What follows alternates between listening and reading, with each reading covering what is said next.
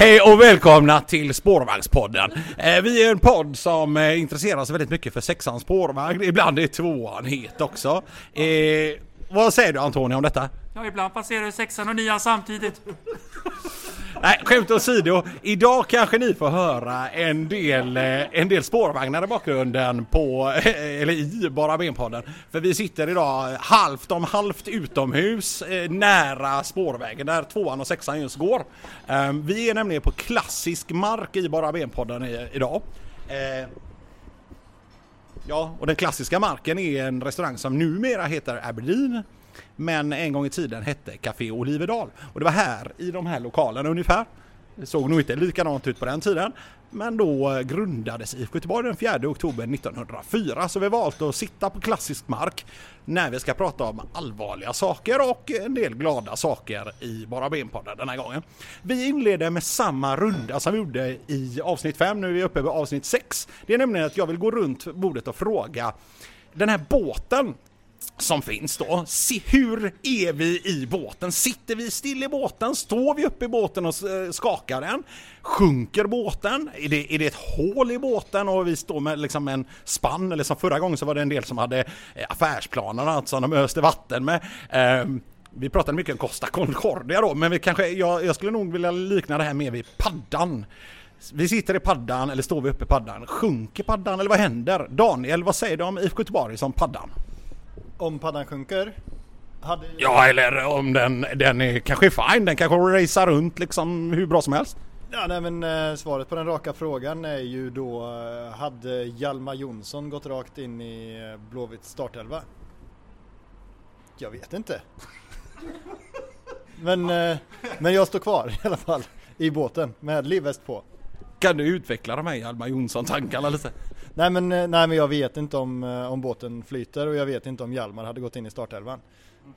I dagsläget. Antonio, vad säger du?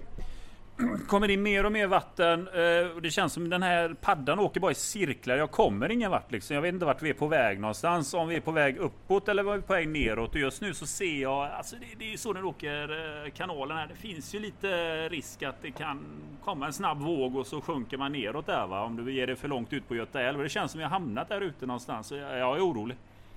Elsa, vad säger du?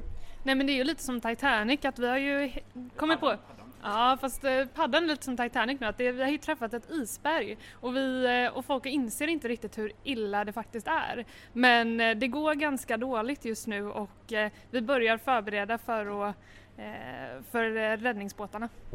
Alltså skämtsamt så har ju bara Ben lagt ut en sån här Titanic-bild nu i veckan eftersom att eh, det var en del som har, ja det var två som passerade där, så kan ni kanske höra det. Eh, Bra där Daniel. Eh, Eftersom att en del har liksom jämfört oss med, eh, med ett skepp, att skeppet vänder. Sana har sagt det bland annat i en intervju efter eh, någon av de här kryssmatcherna att eh, det är lugnt, liksom, skeppet vänder och alla, alla, är, alla är ändå chilla med trots de lite sega resultaten. Eh, är, är, det, är det kris då, om man säger så? Alltså är IFK Göteborg just nu i en kris?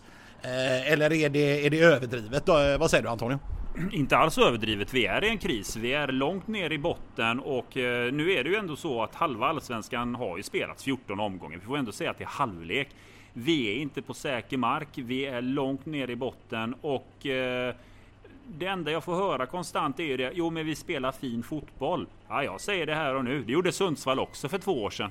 De spelade också fin fotboll och vi ser hur det gick. Vi spelar jättefint i mitten, men vi är usla i boxarna. Det är kris, ja. Vad säger du till dem som säger att ja, men vi har alldeles nyss vunnit en titel, vi har kvalificerat oss för Europa, vi har vunnit eh, Svenska Kuppen Poja har ju liksom lett oss till detta. Vi har fokuserat på det. Då får man ju räkna med att det är lite dåliga resultat i Allsvenskan. Ja, vi har gjort det på samma sätt som vi gjort i Allsvenskan. Vi har kryssat oss igenom eh, kuppen. Vi har ju gått vidare via förlängning, vilket lovar gott då för Europaspelet om vi ska hålla på. Men vi vinner inte en match under 90 minuter. Det har krävts förlängningar i hela kuppen. Det är ju så sen vi gick in i kvarten. Absolut. Men går det att räkna som kris då, med tanke på att vi just tog en titel? Ja, det gör det. det absolut kan vi göra det. För att eh, kuppen är all ära, men jag prioriterar allsvenskan mycket högre än kuppen. Vi, eh, jag såg någon som hade gjort en sån här en, fråga ut att ja, vad vill ni hellre att vi vinner kuppen och slutar 11 eller inte vinner kuppen och slutar femma? femma rakt av. Det attraherar mycket mer spelare att du är med i toppen i en liga än att du är i botten och vinner en kupptitel. Det är alldeles för mycket chansningar att leva på en kupptitel och det är inga pengar i det heller om du inte lyckas ute i Europa. Elsa, vad säger du? Är det kris? Ja, det är kris, det måste man ändå säga. Eh, och någonstans, det är klart att vi vann Svenska cupen och det kändes jävligt gött. Men efter det så kände man ju också att så här, nej men nu får vi ta samman och nu får vi också höja oss i Allsvenskan. Men det rycket kom ju aldrig. Och det blev ju aldrig riktigt bättre mentalt heller av att vi vann den här kuppen utan det känns ju fortfarande lika mediokert. Och då går det inte att säga att ja men det känns som att vi ligger högre upp i Allsvenskan än vi gör, för det gör vi inte och det är väldigt allvarligt att ha den Bagdad Bob-retoriken. Men det var ju precis det det gick att göra för det var ju precis, precis det Poya Asbaghi gjorde. Ja, det var ju det han gjorde och det är ju lite olyckligt då. Jag vill kanske inte dreva på för mycket men, eh, men eh, det är klart att det var väldigt olyckligt sagt. Daniel, känner du att du är i ett krisläge? Ja, men det måste jag nog ändå tillstå. Alltså Svenska cupen i all ära, absolut. Den är, eh, det är en titel och det är härligt med titlar men som Antonio sa, det är inga pengar i kuppen på det sättet. Däremot så kan det generera pengar i form av Europa-framgångar. Ehm, men eh, jag säger precis som Antonio att Allsvenskan trumfar kuppen alla dagar i veckan. Och vi ska inte glömma av att förra året spelade AFC final mot Häcken. Ehm, så att eh, kuppen är ju också lite slump. För AFC åkte ju rätt ner i superettan utan att passera gå i fjol.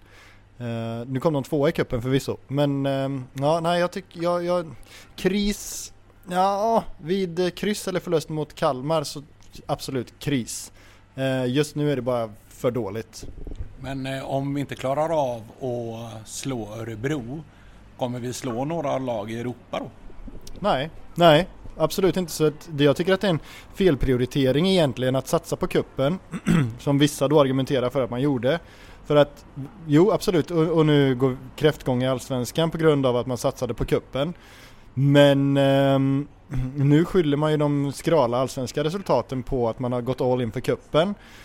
Sen så ska man då ut i Europa, kanske en match, två matcher och då blir det ännu fler månader med täta spelscheman som den här då enligt egen utsago tunna truppen inte klarar av. Så att då, jag tycker att det på förhand så känns det som en felprioritering. Går man till gruppspel, alltså hatten av. Eh, tunna truppen sa du, det, det, ser man i sociala medier, det pratas mycket om den tunna truppen.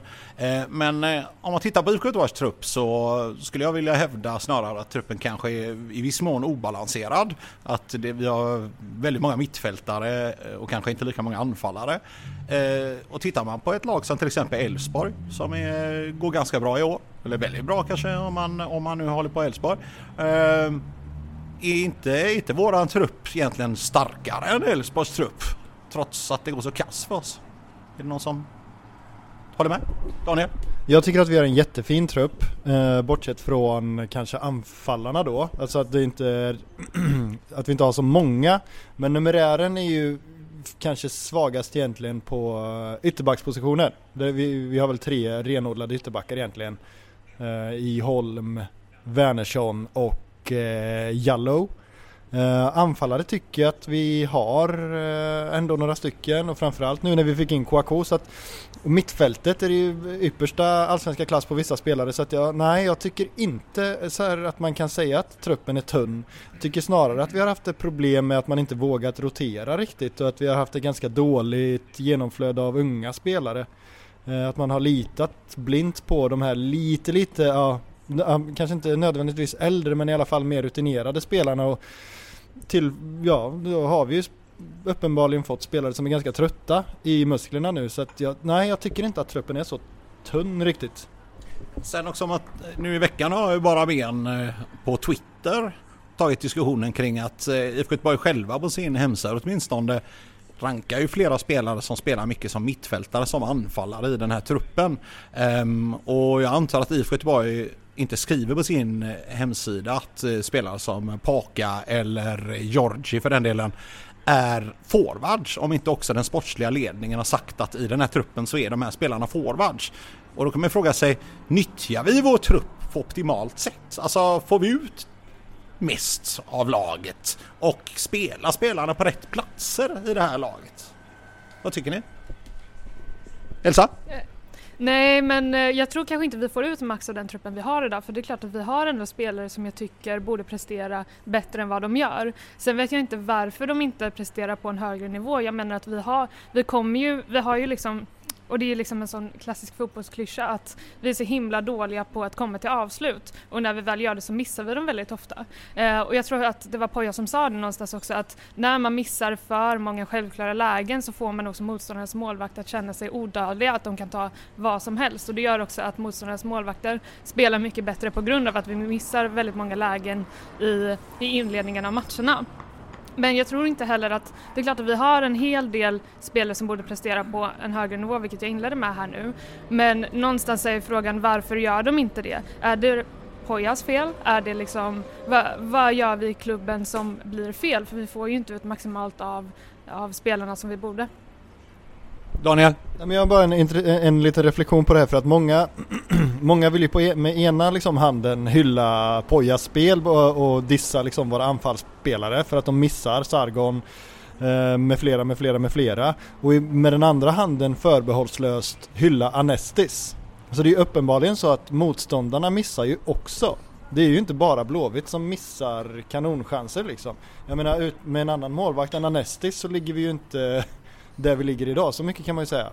Så att... Eh... Anestis måste väl ändå bedömas, även om man har blåvita glasögon på sig så måste han bedömas som åtminstone topp 3-4 målvakter i Allsvenskan. Ja. Håller ni inte med om det? Jo. jo det, alla säger jo här runt bordet. Um, men i det perspektivet kan man ju gå över till en annan sak här då som vi egentligen skulle prata om längre fram i podden. Men inte ett problem med det att Anestis är så pass bra att vi har ett väldigt svagt försvarsspel. Det är ju uppenbart så att vi släpper in mycket mål.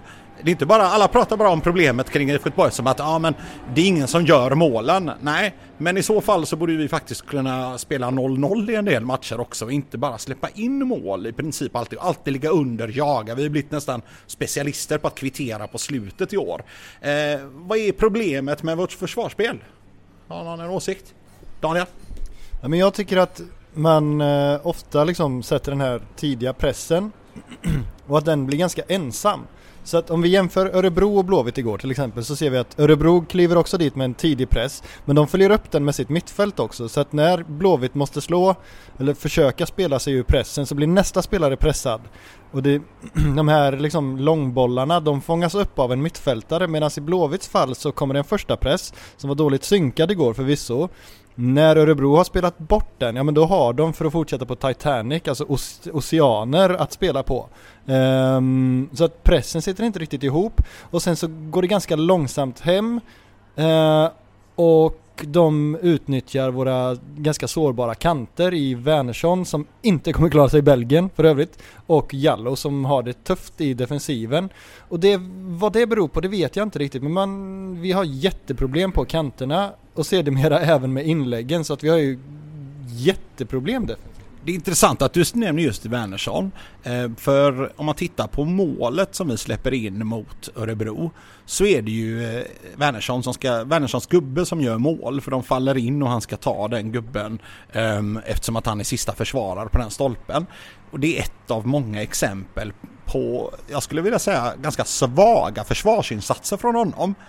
Ändå spelar vi honom trots att han är klar för en annan klubb. Han är på väg ut är det inte dags att någon liksom tar Poja i örat nu och Ferran för den delen också och säger vi måste spela någon annan för att vi har en framtid som är längre fram än tre månader också. Antonio, vad säger du? Många ropar efter Emil Holm. Jag, jag gillar honom skarpt där på högkanten. Men tittar man lite på Emil Holm så är han lite som Jallow kan jag tycka också. Extremt offensiv, bidrar otroligt mycket framåt. Defensivt har de sina brister, att de inte hinner tillbaka och tyvärr vårt mittlås där. Jag upplever inte att de täcker upp för våra ytterbackar när de sticker och heller att vår mittfältare, kanske den eh, lite mer defensiva, går in i en mittbacksposition så att vi får en tremannaförsvar via en snabb kontring när ytterbackarna inte hänger med. Vi är för långsamma där och det blir för stora ytor. Wernersson hinner ändå tillbaka. Han är lite snabbare. Han har ändå lite det här tänket att han kan vara i försvaret och uppåt. Det är, det är därför en belgisk klubb tar en sån spelare. För att de andra har inte den att de kan både, båda, tänka båda samtidigt där. De går väldigt högt upp men så hinner de inte tillbaka. Men vi hinner inte fylla på det bak. Vi hinner inte täcka upp deras ytor. Hjälper det då ifall man ändå, om man hänger tillbaka men man blir ändå bortgjord eller missar sin markering eller tappar nickduellen eller vad det nu kan vara? Ja, hellre ha en gubbe där än ingen alls. Nej, men eh, jag är helt med på resonemanget däremot att det kan ju vara klokt att låta de här spelarna spela mer för då kommer de ju lära sig. Det är ju matchmomenten de läser de här sekvenserna att kunna ha, tänka båda leden framåt och bakåt. För offensivt sett så Holm och Jallow tycker jag är superintressanta när de kommer kliver framåt. De blir ett anfallsvapen. Jag tycker de tillför mycket mer än vad vissa andra spelare har tillfört i år offensivt. Men det är väl också två eh, naturliga högeryttrar eller högerbackar. Elsa, vad säger du? Jo, men det är det ju på ett sätt. Men vi var inne och pratade lite om Victor Wernersson också. Jag tycker verkligen att han har sina offensiva eh, kvaliteter, vilket är väldigt tråkigt då att han nu går till Belgien. Men eh, en grej som jag vill lyfta upp också, det är ju också en liten känsla jag har. Jag måste erkänna att jag har inte kollat det här innan utan slog mig just nu. Att jag tror att vi är alldeles för dåliga, för vi är ganska bra på att spela oss ur situationer. Det är ganska ofta som man känner liksom att ja men eh, nu spelar vi oss ur den här, alltså ändå ganska taskiga sitsen i försvarsspelet liksom. Men vi fast fasta situationer så känns det som att det är ganska ofta som vi tappar markeringen på, på motståndarnas gubbar, liksom att det är då som de nickar in ett mål som man nästan inte kan ta. Eh, och det är lite den känslan jag har att eh, vi är för dåliga för att hålla markeringarna på de fasta situationerna. Antonio? Jag håller med dig Elsa, där markering och det tycker jag man ser på flera lag att de är dåliga på att markera när det är fasta situationer. Där, med det skillnaden är att vi gör inte mål. Ta Erlingemarks läge igår till exempel mot Örebro. Klockrent. Han är där helt ren och ska bara nicka in bollen och den går utanför. Eh, det är det som är dilemmat. Vi sätter inte de lägena. Vi får många sådana lägen per match där det är markeringsmissar från motståndarna. Skillnaden är att motståndarna har en tendens att göra mer mål än vad vi gör. Det är obegripligt. Ja, Daniel, vad säger du? Nej men eh, ja, det är ju dels allt det här, men sen tycker jag att vi, eftersom att vi vet att vi är sårbara liksom, i eget straffområde så, så tycker jag att vi är förvånansvärt dåliga på att sätta press när det kommer till inläggsspel. Vi, jag tycker att det är ganska enkelt att få till ett inlägg mot Blåvitt. Uh, och sen tillbaka till det, Victor, alltså jag, Victor Wernersson tror jag är tillbaka i Allsvenskan om ett år. Alltså ger ett år så spelar han i en annan allsvensk klubb. Han fick, kommer inte fixa Belgien alltså. Men är inte det också risk att nej, de spelare som går ut, typ som Viktor Wernersson eller eh, yngre spelare som Nygren och så vidare, när de är vana att få det lönekuvertet som de får och så vidare, så stannar de helst ute någonstans och hellre spelar i någon skitklubb och där de inte ens får speltid efter ett, två, tre år. För att det är också ganska gött att casha in så att säga. Jo visst är det och sen kan du alltid bli utlånad till en klubb och spela där och ändå ha din lön kvar i grunden. Se Pontus Dahlberg på gång tillbaks till Allsvenskan så men lönekuvertet kommer ju inte sinka allt för mycket. Han tillhör ju fortfarande engelska klubben. Precis, på tal om det så kanske vi ska nämna då att idag har eh, fotbolltransfers.com tror jag avslöjat att eh, Pontus Dahlberg är klar för BK Häcken. Um, nu är det ju en sån situation där Häckens trä, eh, tränare, förlåt, trä, målvakt gått och skadat sig. De har jagat en bra etablerad målvakt liksom ta över i höst.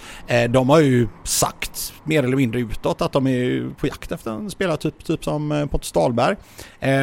Har man, har man några hard feelings här kring det här? Eller alla, alla liksom skakar på huvudet. Men Daniel ser lite eh, konfunderad ut. Så vi börjar med Daniel. Vad, vad säger du om detta? Nej men det kan jag väl inte säga att jag har egentligen men däremot så, så känns det ju lite tråkigt att det blir just Häcken Eftersom att Häcken någonstans liksom har gasat förbi oss nu och så ska Dahlberg in där och härja det, det gillar jag väl inte. Jag hade däremot köpt att han gick till Häcken om Häcken liksom om det var ombytta roller Blåvitt i toppen och Häcken i botten. Eh, nu känns det lite jobbigt, också med tanke på att det finns ett intresse för Anestis. Vore ju fruktansvärt om vi säljer Anestis för ja, men 10 miljoner. Eh, står med Tom Amos och så spelar Dahlberg i Häcken. Den eh, hade jag inte gillat. Men det, om, om Anestis blir, blir kvar så absolut, all lycka till, till Dahlberg. Men det, ja. Elsa?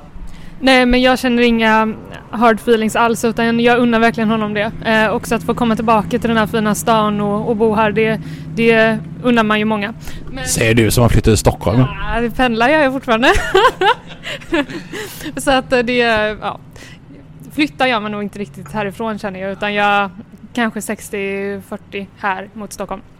Så det är ändå skönt. Nej men det är klart att eh, det är klart man undrar honom det men eh, samtidigt också så här när vi har Anesti så finns det inte heller någon plats för honom i Blåvitt. Men det är ju som Daniel säger att om Anesti skulle försvinna så är det ju jäkligt tufft för oss. Det är klart att Tom Amos är ju inte riktigt ett alternativ. Ehm, så att det blir tufft tror jag. Tony? No hard feelings. Jag tror att eh, Blåvitt inte ens ville ha hit Dahlberg för vi har inte råd att ge någon eventuell mellanlön. Men sen har vi Anestis i mål. Så det finns inga hard feelings för Blåvitt har inte varit där och huggit. Danny Boy? Det som är jobbigt för Dahlberg just då, alltså han har inte spelat på väldigt länge nu. Framförallt inte seniorfotboll. Um, och Häcken värvade ju Jonathan Rashid för att de trodde på honom eh, i längden liksom. Så att det kan ju bli så att eh, Dahlberg kommer till Häcken och faktiskt sitter på bänken. Den risken, eller ja den risken då blir det väl då, eh, finns ju faktiskt. Jag vet inte heller hur hans klubb i England ser på det här med tanke på att han inte lyckats ta en plats nu i Essen i Holland. Han spelade i Eredivisie. Eh, MN förlåt. Um, Essen är ju en stad i Tyskland. Eh, och nu går till Häcken. Skulle han, som du spekulerar i, inte ta en plats? Eh, då är det ju två utlåningsklubbar där han inte har liksom platsat. Det där blir lite av ett problem för Dahlberg. Så det är lite pressen på i Häcken nu också att tar du inte en plats i Häcken, hör du hemma då i eh, Premier League-fotboll liksom? Eller vad säger du? Men det är väl klart att han inte hör hemma i Premier League-fotboll. alltså, nej, men, nej, men, nej, men, nej men alltså vadå? Han har spelat några säsonger i Allsvenskan och gjort det helt okej. Okay. Han gjorde det väldigt bra för sin ålder. Men jag menar det är ju inte, alltså det är inte, det är inte Bengt Andersson vi pratar om liksom. Nej men de har ju ändå värvat honom för att vara på tillväxt för att kunna kliva in. Kanske om hans utveckling fortsatte och så vidare. Ja och så kanske han inte gjorde det. Alltså jag, jag menar det de, de, tro, de har säkert en tro på honom annars så lånar de ju inte ut. Då får de ju liksom, eh, alltså när de lånar ut en spelare så betyder ju det att man ändå tror på den på sikt. Annars så får den ju harva i något juniorlag och hjälpa till att hämta bollar och, och, och de anfallsspelarna som tränar avslut. Eh, så att eh, det är klart att de tror på honom men han, han blir ingen eh, Championship-spelare våren eller hösten 2021. Eh, så mycket vågar jag ändå säga. Eh, Okej, okay, men om vi undviker eh, silly season för en liten stund till och hoppar tillbaka till Blåvitts spel. Vi pratade en del om försvarsspelet här då. Vi var inne på målvaktsspelet lite grann. Anestis får hyllningar. Försvarsspelet blir lite kritiserat av olika skäl. Eh, anfallsspelet då? Eh, där är ju på något sätt, eller vad ska man kalla det, Blåvitts både akilleshäl och styrka. Eh, beroende lite på vilket perspektiv man har på saken. För att en del säger ju att Göteborg spelar ett fantastiskt spel. Eh, vi har, äger boll, vi spelar runt i laget, vi kommer till lägen. Eh, och akilleshälen då är att vi missar upp ett mål 5, 6, 7 gånger per match. Eh, och liksom är svaga i avslutslägena. Vad säger du Antonio? Om man ropar efter vargen tillräckligt mycket så kommer den fram där och när man om och om och om igen från klubben också ska gå ut och säga att vi är svaga den sista tredjedelen. Vi är inte bra där och vi är inte bra där och vi måste köpa en ny anfallare. Vi måste göra ditten och datten. Då gör du inga mål. Det sätter sig mentalt om du hela tiden ska nedvärdera det du själv har. För det, alltså sorry. Vi har inga rötna spelare. Det är bra material. Vi ska inte vara där på den platsen som vi är på med det här materialet. Men om du går och säger att vi kan inte göra mål, vi kan inte göra mål. Då gör man inga mål. Enkelt, mentalt. Mentalt enkelt. Men då måste man ju, då måste man direkt innan vi ältar mer av eh, anfallsspel gå in på om vi inte presterar. Trots att de flesta inte alla, men de flesta tycker att vi har ganska mycket kompetent material i det här laget. Åtminstone inte elfte bästa trupp i Allsvenskan. Eh, är inte då ledarskapet problemet här? Ja, Antonio, du verkar ha någonting att säga här. Jätteproblem! Först... På vilket sätt? Nej men, vi har en tränare. Det är synd om oss. Igår var plasten för varm också. Det var ju tur att Örebro... Ja men det var ju för varmt. Och plast. Det var tur att Örebro kan hantera det. Och de spelar possession och jävlarna också gått samma skor. Det är ju Axel, Jimmy och Poja. Det är ju trio där i possession. Men det berörde inte Örebro. Men allt det här, det är någonting som det är fel på. Eh, Poja har haft otroligt mycket ursäkter. Jag tycker faktiskt det. Det är inga pengar, det är inget rätta och det är inte lätt. Det är en tuff säsong. Och jag ska inte bara gå på Poja. Kenneth, vad är det för intervjuer han ger?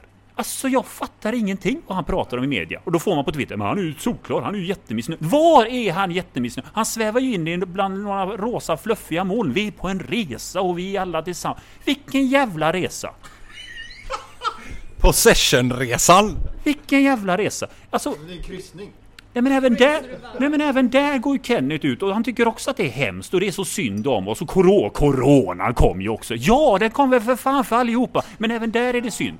Mac, nej, det verkar som Mjällby har klarat sig. Eh, fast de har en spanjor i truppen och vi har också en spanjor. Sen har vi Max. Ja, det är också det. Nu börjar det vridas på affärsplanen. Ja, nej men du vet. Vadå vet? Det finns ju en affärsplan ni tog fram. Vi ska vara bättre än förra året. Rätta er i ledet och gå efter det. Nu är vi inte nära affärsplanen. Var förbannade då! Nu är det dags att prestera. Vi går efter affärsplan. That's it, punkt slut. Sen kan ni utvärdera vad fan ni vill efter slutet av säsongen. Men sitt inte och lipa och sitt inte och harva runt med massa jävla bortförklaringar. Då blir det ingen prestation på plan för det finns ju ingen som ställer krav på dem där ute. Är inte det exakt en sån issue i ett sånt läge där det är liksom krissituation eller, eller nära på krissituation i alla fall, där man måste tala med en röst i organisationen. Om man är i en kris, om man är en riktigt stor organisation, så har man tagit in en PR-konsult som lärt personen som jobbar inom organisationen, nu har vi detta budskap, nu pratar vi på detta sättet, stay on fucking message! Medan vi har en Kenneth Andersson som säger en sak, som talar om att vi har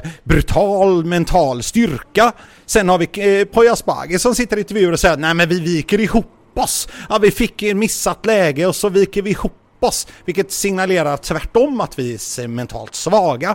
Sen har vi ett ledarskap som säger vi har full förtroende på för det som tränarna gör, samtidigt som vi har ja, väldigt vaga svar från många håll om är det här bra, är det dåligt? Ja, tydligen är det ju ganska bra resultat att ta ett poäng i Örebro, säger Poja.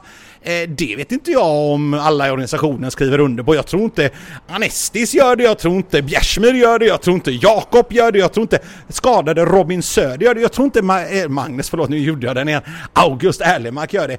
Eh, I hans trupp finns det massor av vinnarskallar. Varför får inte de här vinnarskallarna dominera också i vårat budskap utåt? Jag vill se August Erlemark, den enda personen i media efter en skitmatch i Närke säger Nej, vi är väldigt missnöjda. Det här var dåligt. Vi vill ha mer utav våra prestationer. Vi vill göra bättre från oss. Vi vill ha bättre resultat. Istället för de här hundra olika budskapen av jag vet inte vad. Uh, Daniel, det var du först.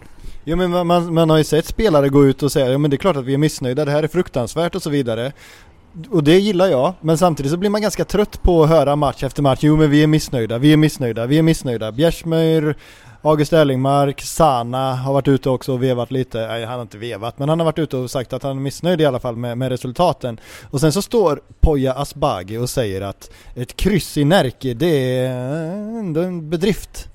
Det tror det, det håller inte jag med om. Och framförallt om vi kollar historiskt. Jag menar, jag tror att eh, Örebro har vunnit fyra, eller nej fem matcher de senaste 20 åren mot Blåvitt och Blåvitt har vunnit nio. Så att ett kryss i Närke är ju rent historiskt, eh, att det är ju inte bra. Så mycket kan man säga. Så att, nej jag tror eh, att eh, Poja behöver nog eh, ställa krav även externt för att inte tappa, för att inte tappa supportrarna liksom. Och, och, jag menar det är väl ingen som tror på att han tycker att ett kryss i Närke är bra. Jag fattar inte ens varför han säger det. Elsa? Nej men jag håller någonstans med om vad föregående har sagt i den här diskussionen men någonstans så vill jag lyfta en annan vinkel också. Och det är om jag, und jag undrar liksom om någonstans att vår kritik går fram. För att någonstans hade vi haft publik på läktarna det här året så tror jag inte det hade kunnat fortgå. För någonstans nu blir det så himla liksom så här, man behöver inte gå in på sociala medier, man behöver liksom inte se eh, raseriet som någonstans finns bland supportrarna. Det blir väldigt lätt att ducka det ansvaret när man, när man inte behöver se och höra det på en läktare. Eh, så att jag undrar liksom lite om det, om det är påtagligt påtagligt för dem hur många faktiskt känner. För att jag känner någonstans efter cupfinalen att okej, okay, nu har vi vunnit kuppen, nu får vi fan ta tag i det här liksom. Och sen kände jag att okej, okay, men vi kan torska Malmö-matchen, det är okej okay, liksom. Men efter det så har det ju bara gått utför. Det, har, det är ju inte så att vi har vunnit några matcher efter dess. Och det börjar ju också kännas och det börjar ju märkas. Och det, det skapar också en enorm frustration att det inte känns som att man kommer fram och kan diskutera det här med ledningen. Det känns inte som att de tar vår oro på allvar och det tycker jag känns väldigt frustrerande. Det är väl inte så svårt att undvika att titta i sociala medier om man har mentaliteten att jag tittar inte ens på tabellen. Egentligen så känner jag att vi är inte på en elfte plats eller tolfte eller trettonde plats beroende på vilken omgång vi är i. Vi ligger femma just nu mentalt och vi är jättenära kanske att ta eh, en sån här Uefa Cup-plats liksom där uppe. Jag menar det, det här är ju, eh, det, vi pratade ju flera avsnitt sen om Bagdad Bob och då var ju inte fokus på Poya Asbaghi utan vi pratade snarare om Olof Mellberg och andra ledare som liksom kändes som att de, de, de snackade om någonting som var vitt skilt från verkligheten. Nu känns det ju som att Poya Asbaghi plötsligt tagit ett stort ledarskap i den här eh, frågan. Vad säger du Ante? Alltså jag är så trött på den här Poja-gate och det är bara Poja, Poja, Poja, Poja. För att grejen är den. Han har fullt förtroende. Det är år tre. Jag är en som skriver upp på att jag tyckte det var otroligt spännande när Poya tog över IFK Göteborg. Då var vi i ett läge där eh, mycket skulle förändras. Vi blev ju, alltså med all respekt, med Poya Ashbagi blev vi också en förening där, där det blev så här tydligt att det spelar ingen roll vilken bakgrund du har, du är välkommen till IFK Göteborg. Poya Ashbagi satte verkligen den stora grundpelaren som sa det att herregud, vi är alltså, vi är en del av samhället. Fantastiskt, jättebra. Så jag har verkligen respekt för det här. Ung tränare kommer in och ska revolutionera och komma med någonting nytt och nya tankar och idéer. Men låt mig kritisera honom då, Twitter och sociala medier. Alltså ni som är i pojabåten, chilla lite grann. Alltså någon gång kan man tycka att han gör någonting fel, men då får man de här. Alltså jag pratar ju affärsplan, men gud finns ju alltså nivåer av folk där ute som är så naiva. Så säger ja men lugn nu, vi är på väg mot någonting. Men var är vi på väg då? Berätta! Jag tittar på resultat och tabell. Det ser för jävligt ut. Vi gör inga mål. Vi är usla defensiv. Det är år tre. Ge mig min rätt att kritisera ledningen och ge mig min rätt att kritisera tränaren. Jag tycker att han är usel. För det är han här. I kommunikation, usel. Fumla runt och prata med tabelläge vi inte befinner oss i. Det är uselt. Punkt slut. Han är inte gud. Han gör fel. Han gör massa fel här. Skärpning. Eh, förlåt, det kanske är lite luddigt, men jag är otroligt trött på hela den här diskussionen. För hela den här föreningen handlar om en person. Jag håller på IFK Göteborg. Punkt. Och vi levererar inte. Nej, jag är skitmissnöjd det är väl lite också ett nytt fenomen inom IFK Göteborgs supporterled. Att vi plötsligt har fans som i mina ögon verkar heja på tränaren snarare än föreningen eller fotbollslaget eller favoritspelare har man ju varit med om att de börjar heja på. Som jag kommer ihåg när min lillasyrra började engagera sig för IFK Göteborg. Det var när Niklas Alexandersson spelade där.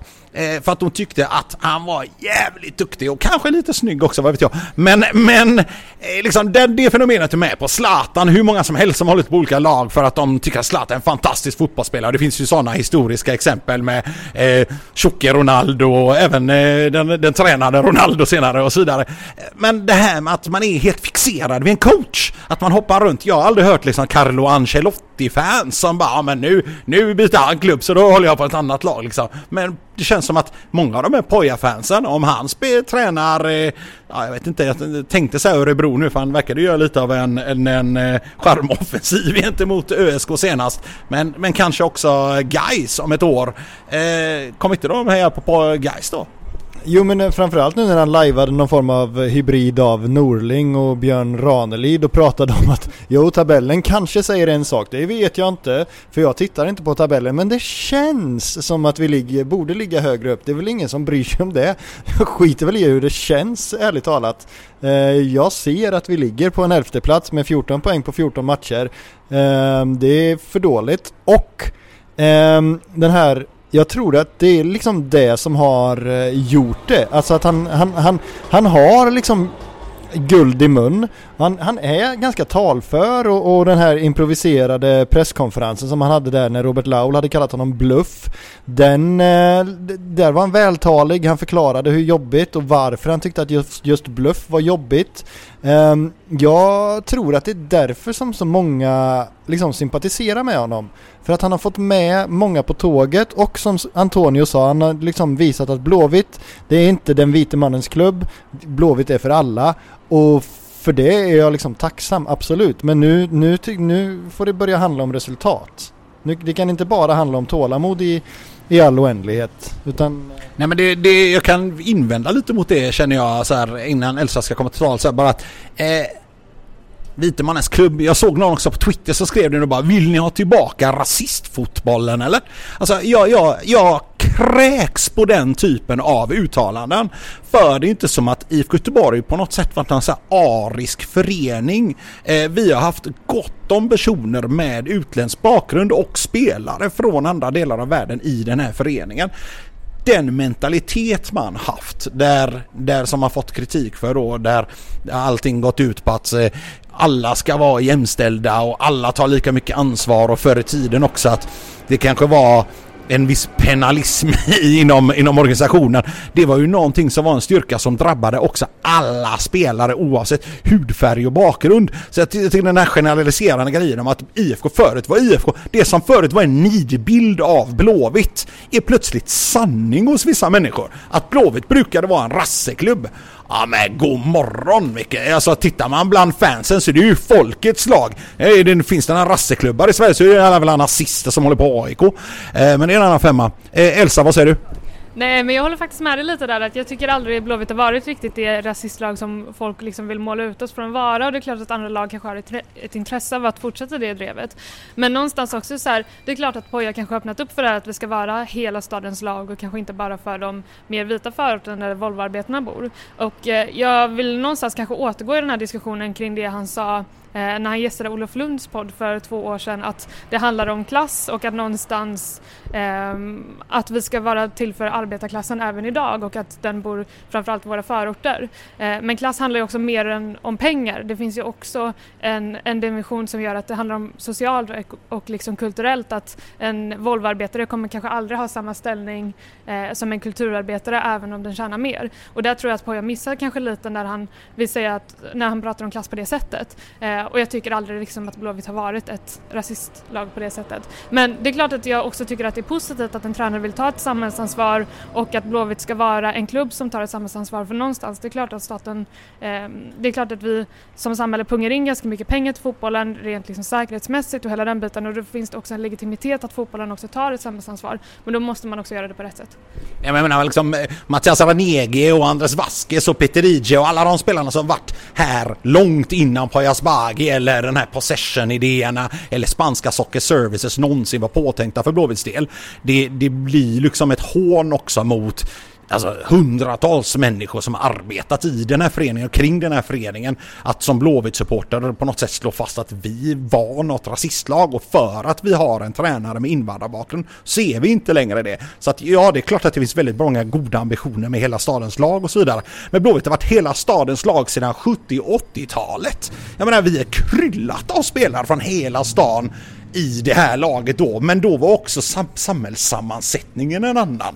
Nej men eh, det är, klart att, det är klart att vi har försökt vara hela stadens lag väldigt länge, men jag tror också att kanske när Poja började i Blåvitt att han ville göra samma resa som AIK någonstans gjorde 09, när man för första gången ville, alltså började snacka om att vi ska liksom, ja, men, eh, kunna locka spelare från förorten och att de ska få plats i svenska klubbar. Eh, och det är klart att det finns någonting positivt i det, eh, för att som sagt man har liksom det här samhällsansvaret, men vi är lite sent på den bollen faktiskt för att någonstans så har den utvecklingen kommit i mångt och mycket av sig självt. Eh, och det är klart att Poja kanske eh, tar det till nästa nivå men eh, vi är lite sent ute på bollen ändå. Eh, innan Daniel går ner, jag bara en om det. krymper vi inte lite våran egen aura och världsbild genom att gå från det jag har vuxit upp med som hela Sveriges lag till att bli hela stadens lag. Det som var självklart var, och fortfarande gör man gör undersökningar på vilka fotbollssympatier folk runt om i landet har, så är fortfarande Blåvitt etta. Eh, nu börjar vi kanske få lite mer konkurrens från Bayern och andra, men vi är etta, vi har flest fans i Sverige, vi har starkast idrottsvarumärke, kanske lite också i konkurrens med Frölunda här i stan, eh, i landet. Och så är liksom våran slogan hela stadens lag. Och jag förstår att man vill att folk i Angered och Bergsjön ska gilla Blåvitt. Men jag är väl också lite nyfiken på skattefolk i Jönköping och Lund och Norrköping gillar Blåvitt för att det är så man bygger någonting som är större än bara ja, ett lag som harvar på elfte plats i fotbollsallsvenskan. Eller? Nej men det är klart att vi ska ha ett starkt varumärke och det där håller jag någonstans med dig om också. Men, eh, men någonstans är det kanske nu de bortskämda 80 och 90-talisterna börjar snacka som har varit med om så många titlar som du har drevat som på Twitter också. Och där vill jag bara säga att vi som är födda i senare generationer också tycker att man ska kunna förvänta sig mer av dagens Blåvitt än att liksom vara nere och harva i botten av allsvenskan och vara nöjda med 1-1. Ja, Elsa, nu när du har haft en liten privat diskussion här, så ska vi gå över till Tony. Vad säger du om eh, läget i landet? Just det med starkast varumärke. Jag tittar upp det här. Det var Fotboll Direkt som hade listat vilka klubbar som har starkaste varumärke 2020 och då är IFK Göteborg femma. Vi har rasat så det står härliga till de senaste åren. För, för fyra år sedan var vi inte på den platsen. Nej. Eh, AIK är etta, Malmö är tvåa, Djurgården är trea, Hammarby är fyra och femma IFK Göteborg. Tätt bakom oss är Frölunda Indianer som kanske ska byta namn för övrigt. Ja, då, då vill jag ju hävda att det är ett argument för det jag precis sa. Vi har gått från att vara landets lag till att plötsligt bli stadens lag. Och vad är härnäst då? Att vi ska bli eh, östra Göteborg mellan Kamratgården och Gamlestans lag kanske? Eller vad säger du Daniel? Du bor väl i de krokarna? Ja det gör jag, det är klart. Nej men det är ju där, där har vi ett starkt fäste naturligtvis. Um, nej men och sen jag, jag kan bli sådär för att återknyta till det som eh, Elsa pratade om att vi är liksom tvåa på den bollen. Det, alltså, vi har ju också föreningar som, som redan tar ett samhällsansvar och vi har jättefina föreningar i till exempel Lärje Angered och, och det finns fina föreningar på Hissingen och sådär. Så att jag tror inte att jag tycker att man reducerar liksom Pojas ja men anledningen till att han rekryterades lite om man eh, liksom eh, tror att han har kommit för att visa att Blåvitt är för alla. För att han är ju rekryterad för att han är en bra fotbollstränare. Sen att han heter Asbagi istället för Larsson, det tror jag inte har spelat någon roll i rekryteringen. Är du säker på det då? Men han, han är en bra fotbollstränare sa du, men han har ganska kort erfarenhet som fotbollstränare och han har aldrig vunnit någon serie med som fotbollstränare. Ja men uh, in hindsight kanske han inte var det, men uh, när han anställdes så trodde man ju stenhårt på det han gjorde ju en mirakelvändning med Gävle, det kan man inte ta ifrån honom. Och eller Svenska Cuptiteln liksom. Det, han har gjort bra Bra saker också. Mm. Nej, och jag, jag håller med där. Alltså, man, vi har inte värvat honom på grund av namnet, utan jag tror helt och hållet vi har köpt idéerna som var där vid anställningsintervjun. Och vi är ju inte den enda klubben som tar in en orutinerad tränare. Så sent som i förrgår så valde ju Juventus att sparka sin tränare som hade vunnit Serie A men åkte ut mot Lyon i Champions League. Det var ju oacceptabelt. Och in tar man Pirlo som hade tränat U23-laget i åtta dagar. Jag tänkte fan de där åtta dagarna måste varit magiska. Vilka förändringar. Där har vi en kille som kan snacka, snacka vid en anställning. Herregud. Men å andra sidan, han behöver väl inte snacka. Han har snackat på fotbollsplanen med sina fötter i många år. Räcker inte det då? Om till exempel Blåvitt skulle låta... Blåvitt lät ju Stefan Rehn eh, magisk fotbollsspelare, kanske inte jättedominant som tränare, blir ju chefstränare. Han tog SM-guld med Blåvitt. Ja, cupguld också med Blåvitt. Vad säger vi om det? Ja, visst, och Henke Larsson var ju grym på plan också, eller hur Daniel? Ja. Men du Daniel vill ju ha någon som Blåvitts tränare va? Jag vill ha Henke Larsson som tränare någon gång i tiden kanske jag. Ehm, men... Uh, nu var jag taskig för nu sa jag sånt som du sagt off the record. Exakt. Nej men jag har en förbläss för Henke Larsson, inte mer med det. Elsa? Nej, kanske ingen fäbless för Henke Larsson just, men däremot så vill jag spinna vidare lite på diskussionen vi hade tidigare. Att så här, jag tror att Poyo också är medveten om att han var inte första valet när vi skulle rekrytera en tränare. Eh, och han blev inte heller rekryterad på grund av hans bakgrund utan någonstans på grund av eh, det han har åstadkommit som tränare. Och det tror jag ändå är ganska viktigt att markera emot att även som både kvinna eller som om man har utländsk bakgrund att man ofta reduceras till att vara någonting och representera någonting när man egentligen kanske bara vill snacka fotboll och, och hålla på med fotboll.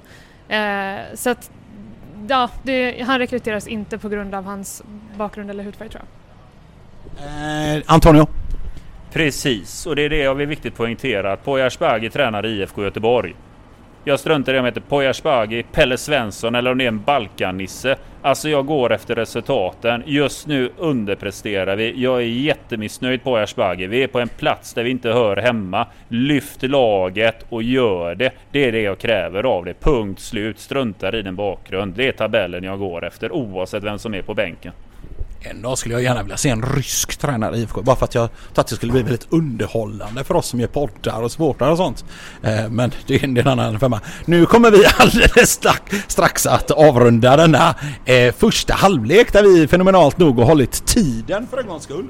Eh, men vi, innan vi gör det så tänkte jag att vi tar en liten runda runt bordet för att höra. Vi har pratat ganska mycket om Blåvitts eh, spel, prestation och eh, tränarskap. En del av en, en del av en del spelare också. Rundan runt bordet, vi börjar med Elsa den här gången. Eh, vad säger du om Poja Out? Oh, den är svår alltså. Det är jo, Kort nu. vi hatar alltid raka frågor men eh, han, han, vi bör ge honom max två veckor till. Max två veckor säger Elsa. Tony, Poja Out? Det är inte lätt alltså. Eh, hade det varit vilken tränare som helst kan man svara på det. Grejen är jag är väldigt mycket Poja out-båten. Det får jag villigt erkänna. Samtidigt så säger jag ju som så här, du får inget kort svar nu. Eh, vi har försatt oss i en konstig situation där vi har ett samarbete med Socker Service. Poja out, sen då? Alltså är Poja out, då säger jag Socker Service out. För då är vi, vi, det, vi är så bundna i ett nätverk här att vi måste ha en viss typ av tränare kopplat till det här nätverket. Det gör den här processen jävligt konstig. Inte, ja, precis, inte hela problemet att man skriver kontrakt om hur man ska spela med några utländska företag och liknande. Istället för att ha en egna idéer. Men ja, okej. Eh, Daniel, Poja out? Frågetecken. Poja stay! Utropstecken. Tack för ett kort svar. Det gör att vi faktiskt kan avrunda första halvlek. Eh, med ja, bara ungefär 20-30 sekunder över. I andra halvlek så kommer vi prata om alla möjliga härliga saker. Vi har pratat om eh, försvarsspelet och målvaktsspelet i första halvlek. Det kommer bli lite grann om andra halvlek eh, Eh, lite andra om andra halvlek. kommer bli lite grann om anfallsspel i andra halvlek menar jag. Och så kommer vi också prata om vem som imponerat, vem som har floppat när halva allsvenskan har spelats. Kanske nämna lite av Europaspelet som just nu eh, lottas. Och så måste vi nog gå in på det här med 51% regeln som under veckan har blivit eh, ja, både attackerad och kritiserad och diskuterad. Eh, och sen måste vi nog ändå prata lite till om några av våra så här elefanter i rummet. Och då kan jag bara säga sådana saker som Sargon och Poja och Kenneth och ja, andra saker. Vi får nog ändå gå in lite grann på det. Vi får se vad vi hinner med. Eh, vi återkommer alldeles strax.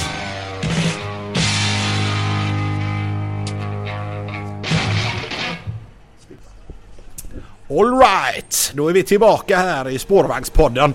Vi kan rapportera att under den senaste timmen så har eh, fyra stycken spårvagnar passerat eh, av Vadera tvåan och av sexan så att allting verkar gå enligt tidtabell. Eh, ser du några avvikelser Daniel? Nej det var sexan var, eh, den andra sexan var en minut sen. Ja, det är så jävla dåligt. Västtrafik, ni får fan skärpa er alltså. Göteborgs spårvägar ägs ju av er nu så ni får ta samma. Eh, bortsett från det då så sitter vi här på klassisk anrik mark. I detta hus på denna plats har IFK Göteborg en gång i tiden grundats. Och vi sitter här och vi känner verkligen hur de gamla klassiska anorna ekar i lokalen.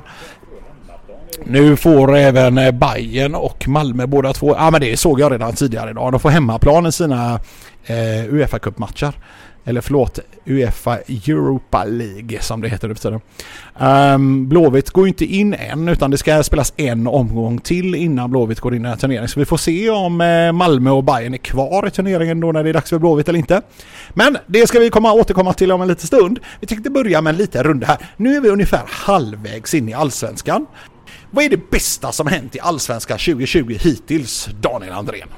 Men allting är väl relativt men jag måste nog säga eh, Jag tycker uh, Tobias Sana uh, i mångt och mycket har varit Kanske inte det bästa i hela allsvenskan men jag tycker att han har gjort uh, väldigt bra var han har blivit satt bortsett från liksom bollvinstrollen kanske, där är han inte kunglig men jag tycker att han förtjänar att lyftas i alla fall. Antonio, vad tycker du är det mest positiva i Allsvenskan så far? Mest positiva i mina ögon är tycker jag att eh, flera klubbar har värvat intressant. Jag tycker att klubbarna spetsar till sig lite grann med intressanta nyförvärv trots dessa tider. Om jag, jag tänker LIA nu i helhet, allsvenskan som produkt, så tycker jag att det händer roliga saker i klubbarna där man köper spelare, värvar intressant. Och jag tycker faktiskt det är fin fotboll i ligan i år. Jag trodde det skulle vara jobbigare att se fotbollen utan publik, men det har gått bättre än jag trodde. Elsa, vad är det mest positiva du kan komma att tänka på?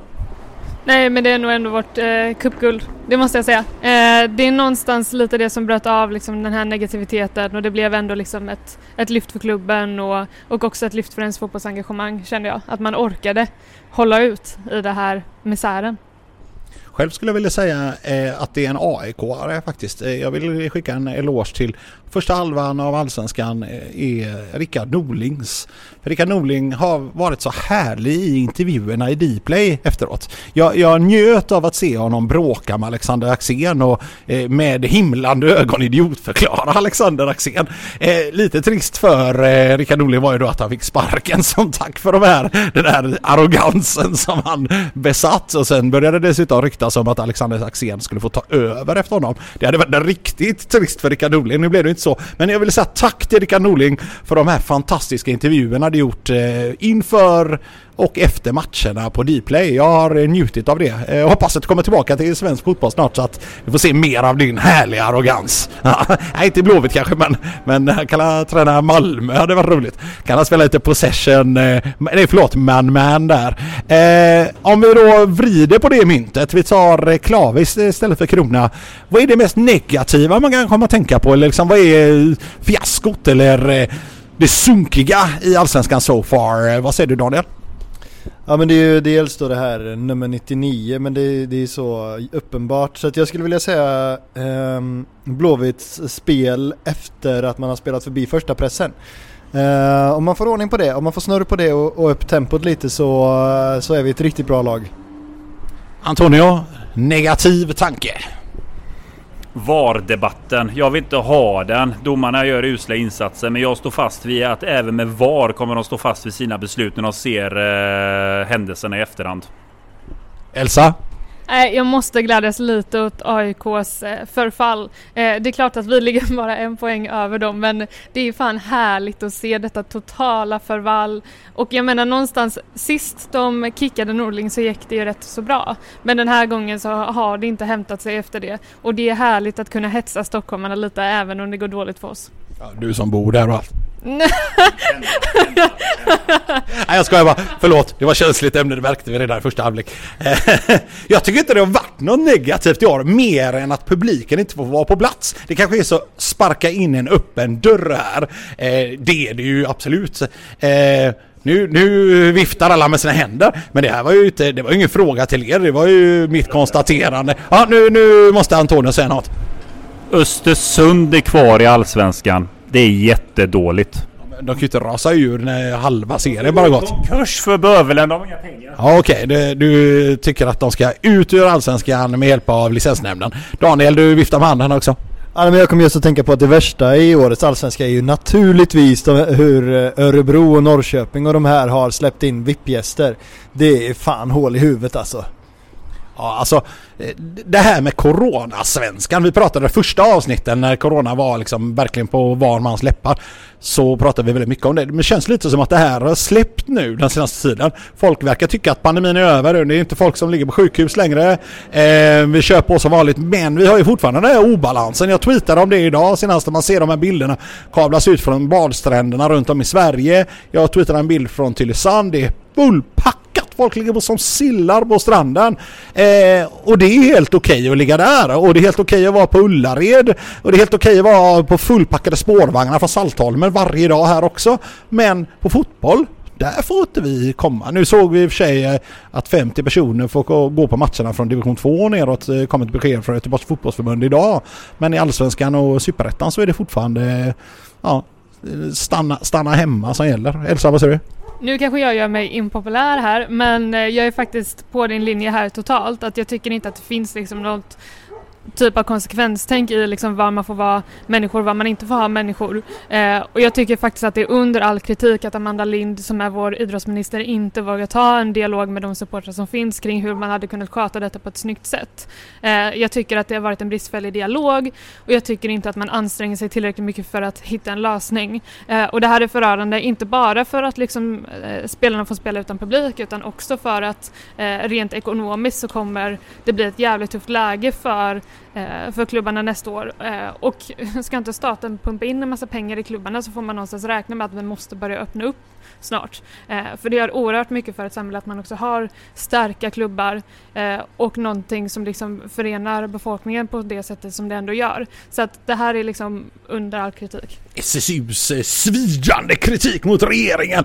Jo men det där med den här problembilden där vi har olika eh, syn på var man får vara. Är inte den lite konstig för oss? Alltså alla fotbollssupportrar börjar liksom prata det här mer och mer nu att alltså, det var ju många som stöttade Sveriges linje men som också började säga ja ja men eh, om, om folk får lalla omkring på ena och andra stället så men man får inte vara i ett konserthus eller på en fotbollsarena men man får vara, jag tar Ullared som exempel men man kan lägga säga Frölunda torg eller Nordstan fullpackade av människor också varje dag. Kollektivtrafiken fullpackade av människor varje dag och så vidare. Är det inte hyckleri att inte vi i fotbollen får vara på arenorna? Daniel du var först. Nej, men jag tänk, om jag någon gång ska uppnå nirvana så ska jag inte prata om sånt som jag inte kan någonting om eller vet någonting om egentligen. Som buddhisterna säger. Men alltså, det, är nu, det är klart att Magnus Thorn ska fira. Apropå flum. Ja exakt. Ja men det är ju del då av den här åttafaldiga vägen och så vidare. Men det vet ju alla. Ja men det är klart att, det är klart att eh, Ja men det, det, det, ska man veta. Om man har gått religion 1 eller A på gymnasiet. Eh, men ja. Eh, nej men det är klart att det, nej men det är väl klart att jag unnar människor att flyga och jag tänker liksom inte ge mig in i den eh, diskussionen. Men däremot så, jag, så, tycker jag att det är helt jävla bisarrt att man får flyga. Men man får inte sitta liksom med tre stolars mellanrum på Ullevi. Det tycker jag är helt sjukt alltså. Så det var en sån jävla bra artikel i Aftonbladet igår eller idag om just en kille som hade fått Corona i Sverige. Men sen hade inte kunnat med att ställa in sin resa till Grekland var det väl? Eh, så att han åkte ner med sina polare till Grekland med bekräftad Corona och står på balkongen på sitt hotell och är bara så här ledsen och kränkt över, ja, jag vet inte fan över världens, hela situationen i världen liksom. Jävla stolle. Ja, eh, Antonio, du var näst faktiskt. politik, jag är usel på det. Men jag säger som så här att ja, man får flyga av någon anledning, man får göra diverse olika saker. Jag säger som så att här handlar det helt och hållet om kompetens. Man förstår inte sig på idrott. Man förstår sig inte på kultur. Man förstår sig på samhällsfunktioner, för man ser andra saker som samhällsfunktioner. Men man ser inte idrotten och man ser inte kulturen som en samhällsfunktion, vilket den är och vilket den gör och vad den bidrar med till samhället. För mig är det bara helt och hållet inkompetens och att man förlitar sig på experter som säger att nej men det är inte bra. Det är risk att det ökar. Okej, okay, då skiter vi i det. Men vi måste få igång flygen nu för ekonomin går åt helvete annars. Ja men ja. Det, det, det, måste vi ha. Ja men eh, det är en viktig samhällsfunktion. Ja. Men när det kommer till idrott och det andra, nej. Det, det, kan, kan skippa. Det är lite ja. den nivån. Ja, sen, jag, vet, jag, jag, skrev en text i början på det här corona-eländet och allsvenskan utan publik och sådär. Och alltså hur många liv eh, man skulle kunna rädda genom att släppa på publik. Eller om man då tänker att ja, men IFK Göteborg, AIK, Djurgården går under rätt många människoliv som, eh, som försvinner då. Det är många som skulle ta livet av sig Liksom på grund av det. En sak som är lite intressant här i den här skolan och just intressant är det du tar upp eh, Antonio. Eh, är att i Sverige så har vi ju en delad kultur och idrottsminister. Är det inte hög tid att vi får en idrottsminister, sport och idrottsminister eller folkhälsa och idrott och sportsminister eller som får en portfolio som bara handlar om sport, folkhälsa och idrott som tar hand om det. Vad säger du SSU-Elsa? Eh, Var det där din officiella kandidatur Marcus? Jaha, ja, okej. Okay. Ja, eh, när du blir statsminister får du gärna ge mig den, den portföljen. Nej, men jag menar, är det inte ett problem att det är delat ansvar? För att ja, det finns, eh, jag vet inte, man kan säga att det är underhållningsområden båda två och att det är liksom folkrörelse inom eh, sång och kör och teater och så vidare. Men det är ju vitt skilda världar. Eh, kan man verkligen liksom så här, ska man behöva ta hand om teater och opera på samma bräde som att ta hand om elitidrott och breddidrott? Nej men det är klart att jag gärna hade sett liksom en, en eh, idrottsminister på en ren post. Liksom så. Sen så det är klart att är du socialminister har du allt från äldrevården till sjukvården och det är också ganska liksom, ja, vitt. Men det är ju ändå vård. Ja, jag skulle inte säga att omsorg och vård är någonstans lika. Men det är klart det finns likheter där också. Men det finns väldigt många exempel på just ministrar som har väldigt breda portfolios. Eh, men det är klart att jag gärna liksom hade sett en ren idrottsminister som är insatt i frågorna så att säga utan att kasta skit åt samarbetspartiet. Men... Du är rädd att jag ska säga SSUs attack igen? alltså jag vet inte hur jag blev någon försvar någon försvar för regeringen. Och... Nej, nej förlåt, nej förlåt. Det, det är helt okej. Okay. Men det, det, är inte bara sossar som håller på Blåvitt va? Det är helt okej okay att vara moderat eller kristdemokrat eller eh, kanske till och med miljöpartist och hålla på Blåvitt. Jo men det är klart att det är det och eh, jag fick faktiskt frågan efter vårt eh, kuppfirande vad Blåvitt hade med eh, med arbetarrörelsen att göra. Och jag svarade fråga Roger Gustafsson så får du nu ett svar. Men någonstans så tänker jag och då fick jag tillbaka kontrat att det är modigt att referera till någon som eh, hade sina gulddagar innan jag var född. Men eh, skämt åsido. Det hade väl Marx också? så är det. Nej men skämt åsido så någonstans så ska fotbollen bygga på en inkludering och det finns inget lag som är kopplat i Sverige till ett visst parti på det sättet och det tycker jag är väldigt bra. Däremot så måste man också våga inse att vi har någonstans hamnat i den här diskussionen ganska många gånger huruvida liksom fotboll och politik hör ihop eller inte. Eh, Eh, och någonstans kan man väl säga att nej men det är klart att du inte behöver vara sosse för att hålla på Blåvitt och du behöver inte eh, hålla på Blåvitt för att du är sosse. Men det är klart också att... Det är klart det underlättar, eller vadå? Nej, men det är klart att politiken skapar också ramarna för idrottandet och det ser vi också minst i den här coronapandemin där vi inte får ta in publik på läktarna eller liksom att någonstans den här diskussionen kring 51%-regeln och eh, där vi nu har hamnat att politiken skapar ramen för idrottandet. Sen så är inte idrottandet kopplat till ett visst lag och det tycker jag är positivt för det ska bygga på inkludering, inte exkludering. Och man ska inte behöva ha, ha, rösta på ett visst parti för att kunna hålla på ett lag. Det tycker jag inte. Nej, alltså vi, vi, nu vet vet jag, det är säkert eh, fler som vill säga saker men nu när du nämnde 51%-regeln så måste vi naturligt gå över till att eh, för några dagar sedan så kom det en omtalad debattartikel från en, det kan ju tyckas här då att det blir nästan något slags politiskt eh, påhopp där eftersom att du då tillhör en folkrörelse som inte är av den åsikten som den moderata ungdomsförbunds Ja, är det så? Jag kommer faktiskt inte ihåg vad han heter men Ja, en bajare. Eh, eh, nej, alltså som skrev i en debattartikel som handlade om att man borde avskaffa 51%-regeln. Och det gick väl i, om man ska hårdra det lite slappt bara, så gick det väl ut på att eh, det är ett sätt att nu var det här är inte hans formulering, men det är ju liksom att skjuta in kapital i svensk fotboll eh, och att svensk fotboll skulle lyfta och bli bättre och mer konkurrenskraftig med Europa och världen eh, om vi fick eh, företag och liknande som kunde äga, och rika människor som kunde äga fotbollsklubbar. Vad, vad tycker vi om detta? Är 51%-regeln någonting som absolut ska försvaras till varje pris eller eh, kan vi tumma på den här regeln? Daniel? Ja men det är MUP som är förkortningen va? Eller? MUF. Jag skojar, naturligtvis. Nej men eh, Nej men nej, jag, det tror jag inte. Jag tror att eh, om man börjar släppa på 51% regeln så finns det en risk att eh, ohederliga aktörer kommer in och kanske sätter press på spelare eftersom att det är en så liten liga och det, ska, det är lång väg att vandra för att bli liksom en, en, en stor liga i Europa. Så att jag, jag tror att en stor risk skulle kunna vara eh, riggade matcher och sådär. Så det är nog min främsta farhåga Bortsett från den så här upp, uppenbara problematiken i att heta IFK Red Bull liksom. Men där, då får jag ju två frågor direkt. Ett, har vi inte redan problem med riggade matcher i Sverige?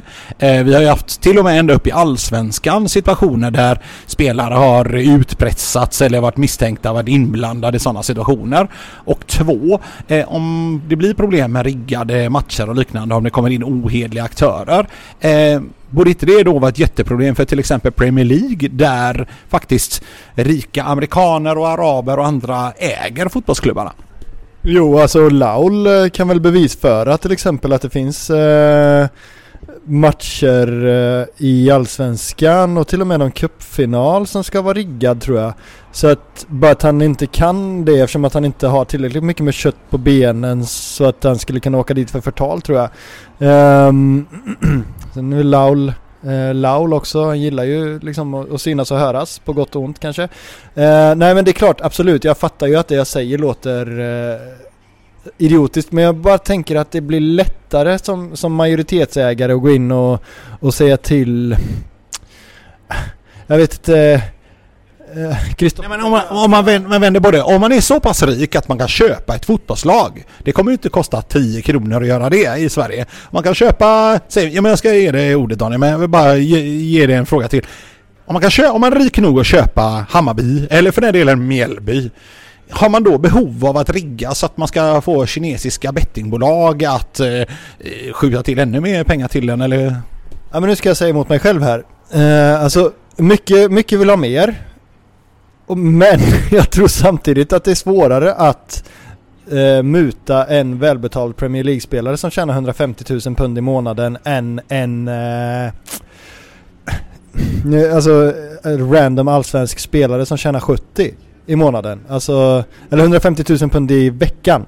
Eh, versus en allsvensk spelare som tjänar 70 000 i, i månaden. Så att den risken ser jag. Men sen vet jag inte, jag har väl inget faktaunderlag för det här liksom. Det är bara en känsla. Eh, en fråga då. 51 eh, regeln är det vi pratar om. Du just eh, råkar hoppa in i podden på det här stället. Kan det här vara så att aktörer som AIG heter de väl som eh, har gått in som delägare i Hammarby, eh, äger en minoritetsandel. Men även eh, IFK Göteborgs transferbolag med storsponsorn Serneke och Varbergs vad heter de, stenfastigheter. Men även andra bolag som omgärdar klubbarna. AIK är på börsen till exempel. Kan det vara så att de är inne i de här lagen för att i grund och botten så lobbar de i bakgrunden för att vi ska få en sån här kapitalistisk marknadsstyrd fotboll och liksom är på väg in här och pressar på och att eh, ungmoderater som den här killen som skriver debattartikeln medvetet eller omedvetet blir lite så eh, eh, nyttiga idioter. Eh, eller ja, transferintressenter, om vi tar dem som exempel. Det, det, är ju en, eh, man kan krasst säga, det är en verksamhet som är lite utanför 51%-regeln. För det här är ett separat bolag, man driver en egen ekonomi, man gör affärer i klubbens regi som man tar internt utan att vi medlemmar egentligen är med där och tycker till. Men tittar man på transferintressenterna så känner jag ju mer att det här är ju en grupp som vill pytsa in pengar för att hjälpa IFK Göteborg. Eh, hade det varit ett sådant läge att man hade pratat med transferintressenterna som jag tog upp för någon podd sedan att jag vill ha 10 miljoner. Nu, nu kör vi liksom. Här har du din avkastning. Då börjar vi gå in i det kapitalistiska. Att ge mig 10, du får 12 tillbaka om två år. Så här ser affärsplanen ut. Jag är lite för det. Det är lite grann det här jag gillar. Lite grann affärer i bolaget. Jag är för 51%-regeln för vi ska sätta grunderna i Blåvitt. Vi ska liksom ha stadgarna, vi ska, god, vi ska liksom godkänna ett bokslut, vi ska tycka till, vi ska tycka till om ekonomin. Eh, sen är jag kritisk också till 51%-regeln för att hur många medlemmar har vi? Snart 10 000. Hur många kommer på årsmötena? Ja, det, det är samma gamla gäng liksom. Det är, det är ett, i sin höjd ett par hundra som dyker upp och ska tycka till. Det blir lite grann det här att vi är medlemmar men vi använder inte vår medlemskraft. Men du, i en digital värld och ett digitalt landskap, särskilt nu med tanke på hela coronasituationen och allting som anpassats till det, eh, borde inte det vara möjligt för IFK Göteborg att arrangera digitala årsmöten där man kan vara med var i världen eller Sverige man än befinner sig, eh, också kunna verifiera sitt ID med hjälp av BankID och sen kunna rösta eh, på årsmötet och verifiera att jag är den personen, jag är medlem i IFK Göteborg, jag röstar på och då kan man ha en agenda där vi kan få aktivera många fler att vara med på årsmötena. Vad säger du om det? Jag håller helt med. Jag tror att det här att vara medlem, gå på mötena, jag tror många upplever det som en komplex fråga. Att gå igenom protokoll och att tycka till och ha en motfråga eller ett motförslag. Det, det är inte lätt för en medlem. Och vad, vad ska jag komma med mot? Jag kan tycka att det här är kast. Men då måste jag ju komma i, min tur som medlem med ett motförslag och säga nej men jag tycker inte vi ska gå den här vägen, vi ska gå den här vägen. Därav att det, det, är en svår verksamhet. Det är inte det här ideella längre där vi ska fråga om hur en hörnflagga ska se ut utan nu är det ju stora beslut som ska tas i en stor industri.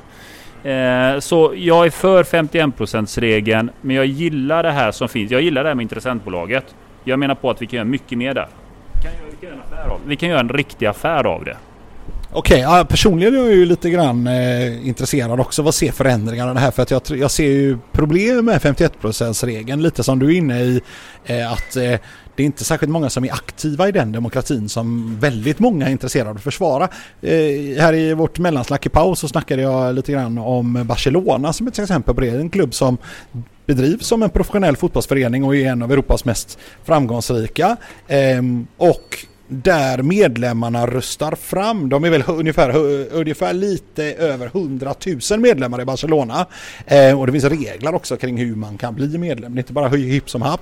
Eh, och de röstar fram i sin tur en, en förmögen person som vill bli president. Och tar över och satsar. Eh, och den personen kan få avkastning från klubben också. Men det är medlemmarna som äger klubben. Att det går att kombinera de två sakerna. Vad säger du Elsa om en sån lösning? Nej, men jag skulle nog inte gilla att vi hade, liksom hade en president i Blåvitt på det sättet utan någonstans så tycker jag det finns en charm i att man också har den här medlemsbaserade klubben och att eh, det bygger på en medlemsdemokrati. Men jag tror att det var någon här innan som sa i diskussionen, kanske var du Daniel som eh, eh, sa att en, en, en ägare skulle någonstans kanske kunna gå in och liksom säga ja men vad fan, Sargon får prestera bättre.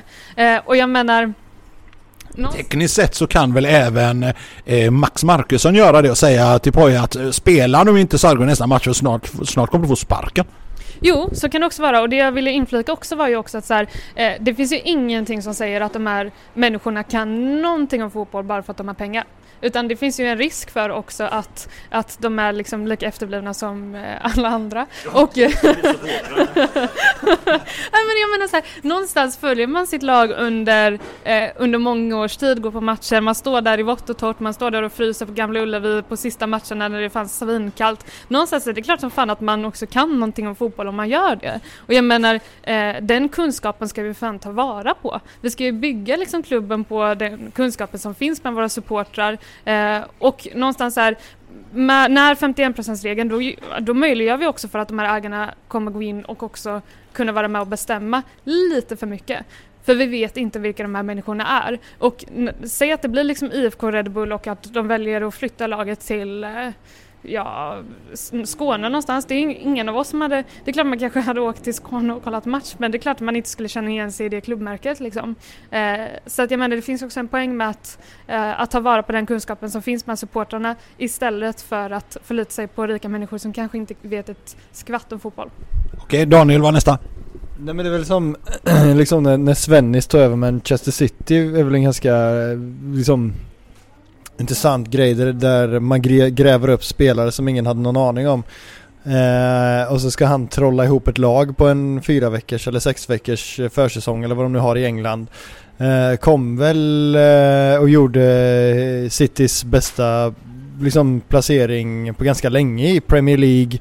Men får foten ändå för att han inte vann liksom. Alltså det, det, det, det finns ju det finns ju en del avarter eh, i, bland ägare och Ah, jag, Ser vi inte en del av de här problemen även i våra gloriösa fantastiska 51% värld med AIK som eh, låter en tränare köra en ny galen filosofi och som är uppbackad genom leden. Han får inte göra det som en egen galen idé utan att sportchefer, klubbdirektörer och andra håller med. Ändå får han sparken ut med honom andra tränaren får ta över. Alltså det är ju lite farsartat fotboll stundtals även i våran medlemsstyrda fantastiska värld, eller?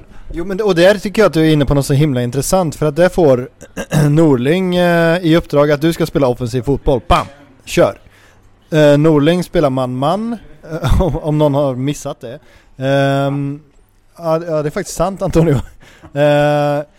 Poja fick ju också upp, i uppdrag, eh, Norling fick 12 matcher, Poja fick också i uppdrag att eh, förändra Blåvitts eh, spelsätt.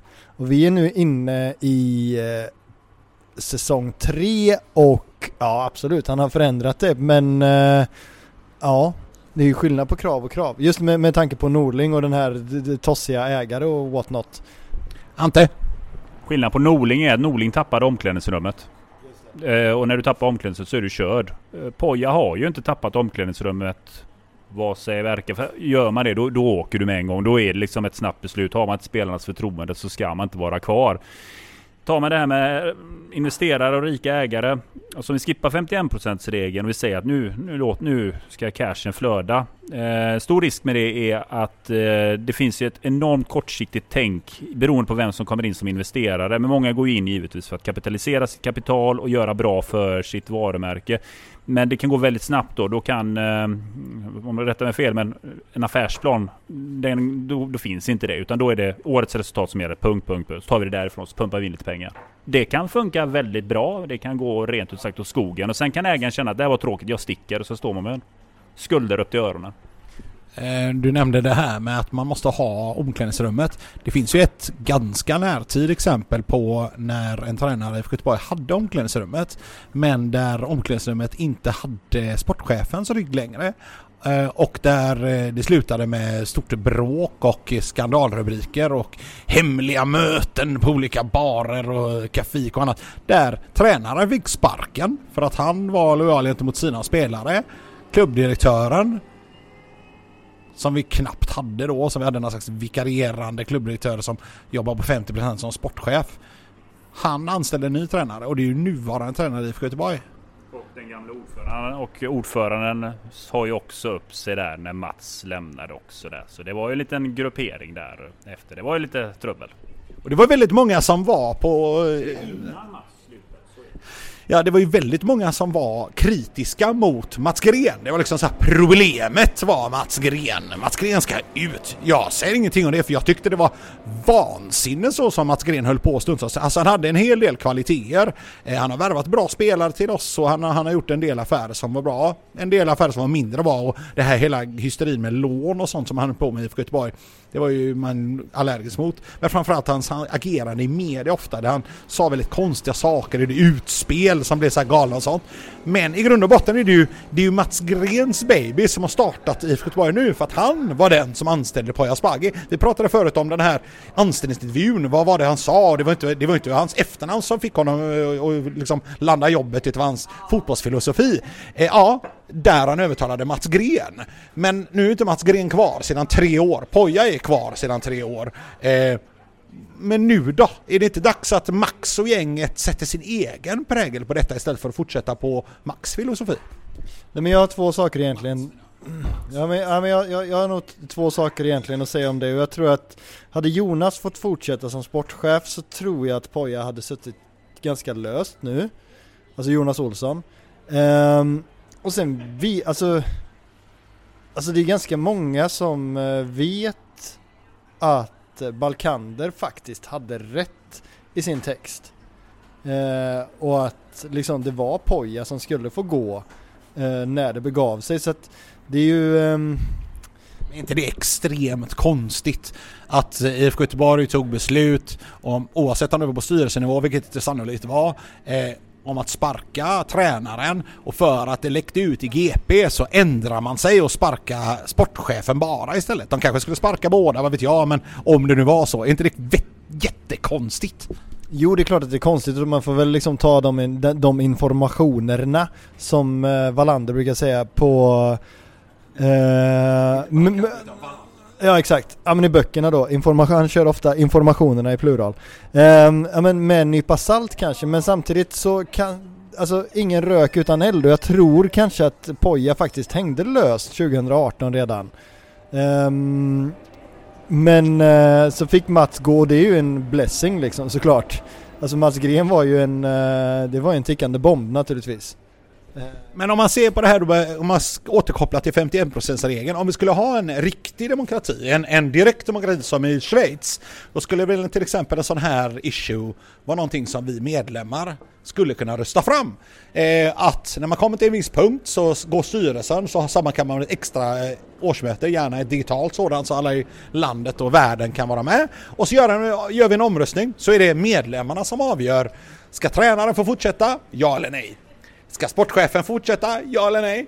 Ska eh, sport, förlåt, klubbdirektören få fortsätta eller ja eller nej? Och när det skapar väl också ett extremt incitament för de som jobbar för IFK Göteborg att kommunicera tydligt med vad man vill, vad man gör, om man, vad man är nöjd med gentemot medlemmarna. Vad säger ni? Ja, Daniel? Blir inte det problematiskt utifrån kontraktskrivning eh, bara? Alltså om man då... Ja, men man får väl ha klausuler? Ja. Ja men då så. Klausuler som säger att om två tredjedelar av medlemmarna röstar eh, en gång om året kan man bara göra det då till exempel, eh, rösta för att du ska få sparken så kommer du bli entledigad, du får så och så många månadslöner som eh, en fallskärm. Till exempel. Alltså det går ju, blir ganska lätt att kuppa då. Vi skulle kuppa, vi skulle köpa in 6-7 tusen medlemmar för IFK Göteborg för att, för att kuppa bort en tränare. Ska en annan tränare göra det då? Ja, ja, nu kommer, nu kommer vi ja. Nej, jag är nog ganska negativ till det. Eh, till just direktdemokrati-idén. Jag tror också att så här, någonstans vi väljer ju styrelsen eh, till Blåvitt eh, och någonstans det är ändå styrelsen som skapar kanske förutsättningarna för anställningar. Men just när det kommer till anställningar så är det, det är klart att det är en förtroendetjänst att vara tränare för IFK Göteborg men det blir inte heller en attraktiv förtroendetjänst om det varje år röstas om man ska vara kvar eller inte. Eh, och det skapar nog en splittring. Men inte, men inte det precis som att eh, till exempel även om det är varje år istället för var fjärde år, vara politiker. Där man måste prestera på en hög nivå för att väljarna ska fortsätta att välja fram dig som politiker oavsett om du är kommunalråd i en kommun eller om du är statsminister för hela landet. Gör du inte ett bra jobb så medlemmarna, eller i det här fallet väljarna, röstar ut dig. Så är det, men då blir det ju också val om huruvida jag ska få vara kvar och leda någonting än om mina tjänstemän ska få göra det. Eh, och någonstans så tror jag också att det är ganska viktigt att, eh, att det är klart som att man kan kritisera liksom de anställda och att de kanske många gånger inte gör ett rätt jobb. Eh, men då får man ju också vara konsekvent i att, eh, att det blir jäkligt tufft om man en gång om året ska liksom ha omröstningar kring om man ska få kvar sitt jobb eller inte.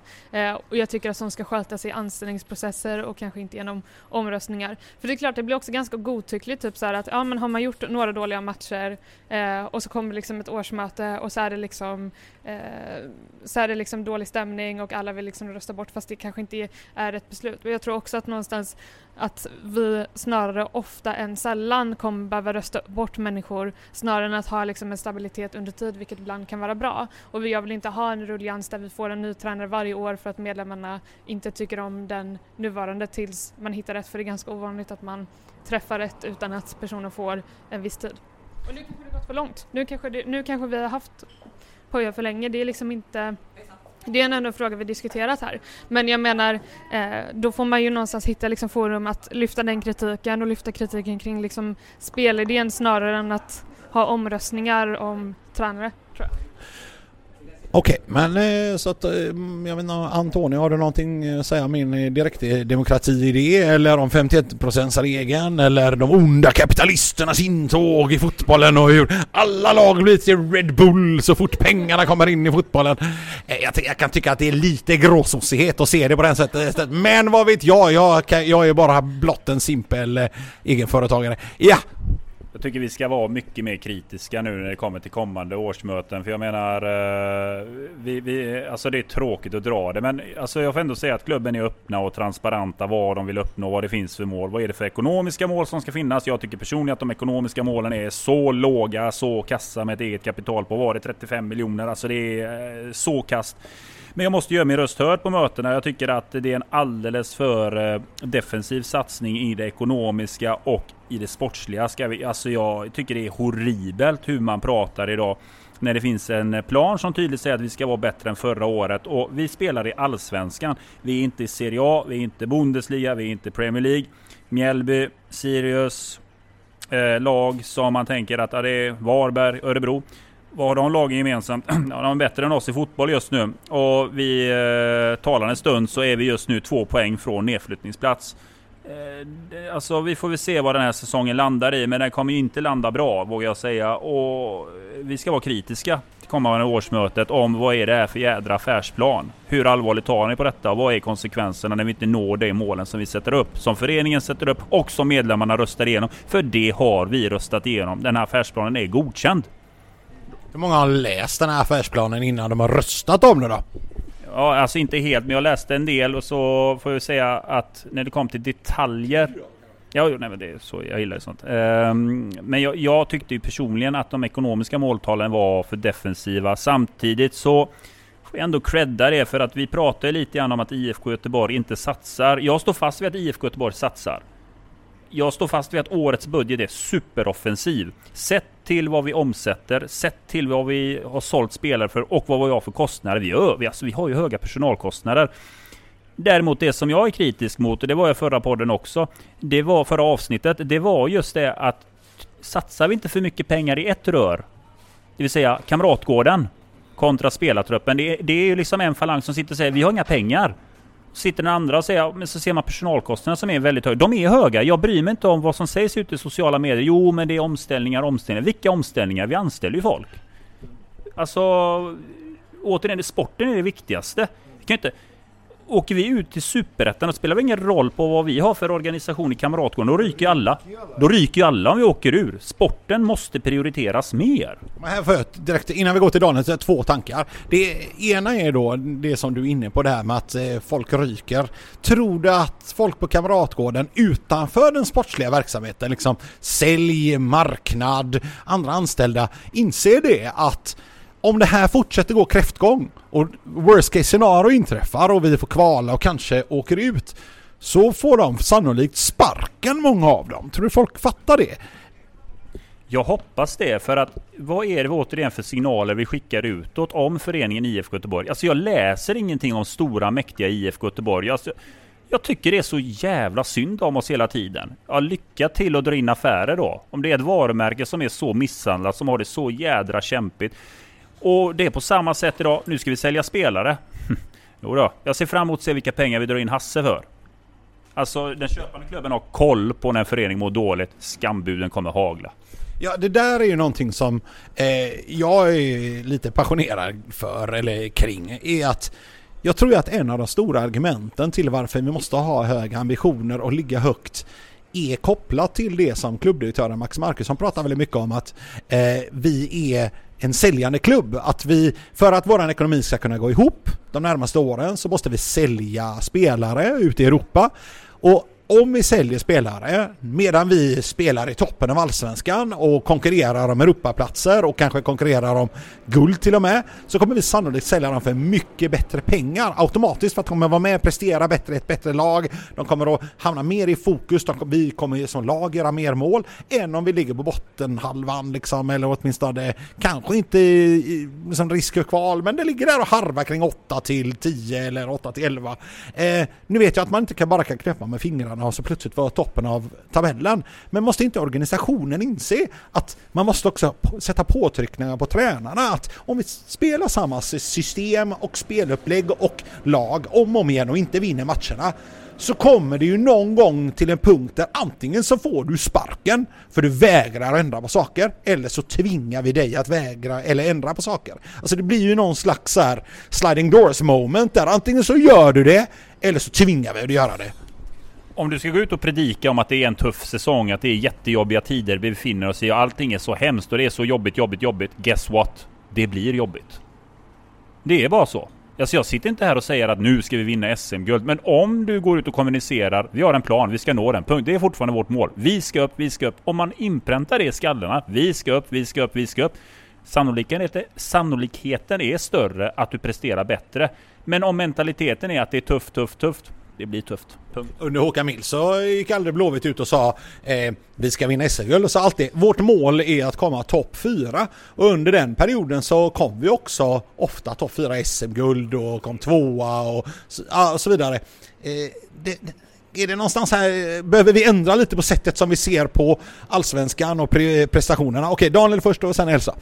Nej men det är ju alltså, det, om man då tittar på liksom eh, det här med, ja men det är så synd om oss och ja det är Corona och så vidare och så vidare. Så har vi Helsingborgs IF som i premiären eh, och många matcher därefter har dragits med otroliga problem. Det är Granqvist, det har varit målvakter, det har varit det ena med det tredje. Men Olof Mellberg står inte i Sportbladet och gråter ut om att det är tight matchande. Det är... Oh, lite har Ja, har han gjort det verkligen? Ja, men inte på samma sätt. Kommer du inte ihåg när vi pratade om, jag nämnde ju det förut, det här med vem som var allsvenskans värsta Bagda-Bob. Jag var ju väldigt mycket in på att det var Olof Mellberg då. Kanske avtagit sedan dess men, men eh, nog har han varit lite av en rövhatt. Ja men jag tycker inte eh, att eh, han har skyllt ifrån sig lika mycket som Poja. Men jag må ha fel. Um, inte mer än människa?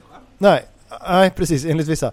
Uh, ja, men sen är det då devalveringen av uh, kravställning som jag tycker är obehaglig. Uh, jag tycker att det är livsfarligt när man uh, liksom ser Sirius ovanför oss i tabellen och det må vara hänt. Men Sirius, ja, för Sirius de spelar så jävla bra fotboll. Men, men det är ju det vi gör. Det är ju det, är ju det som är så otroligt. Så att vi, vi spelar en så bra fotboll, men vi kan inte ställa så pass höga krav på den att den ska vara bättre än Sirius. Jag menar, ja, och vi har inga resurser. Men vad har Sirius då? Alltså de har ju, de har ju knappt en stab. De, vad, är, vad är de? Tre stycken i den staben? Eller det är Rydström assisterande och, och sen Ola Andersson. Alla är släkt med Ebba Busch Thor också. Men ah, eh, nu måste vi avbryta det här för att eh, vi måste först till Elsa, sen måste vi lägga ner det här köttet och gå vidare till eh, och snacka om cupfinal, cupseger, Europaspel. Nej men jag tycker faktiskt inte att det är så jäkla synd om oss. Eh, och någonstans här, vi får, eh, vi får faktiskt rycka upp oss. Jag tror att jag sa det i början av den här podden också att så här, eh, det har varit massa sur på Twitter om att ja, de bortskämda de bortskämda 80 och 90-talisterna som bara förväntar sig massa titlar och vi kan inte förvänta oss att Blåvitt ska prestera bättre än, än vad de gör i dagsläget. Men du menar, du, nu menar du de som varit med på 80 och 90-talet va? Inte de som är födda nödvändigtvis på 80 och 90-talet va? Eller? Eller? De, de, som har varit med, de som är födda på 80-talet har ju varit med under 90-talet. Du är född 00 och du är bitter. Det är fantastiskt. ja men exakt, jag är född 00 och...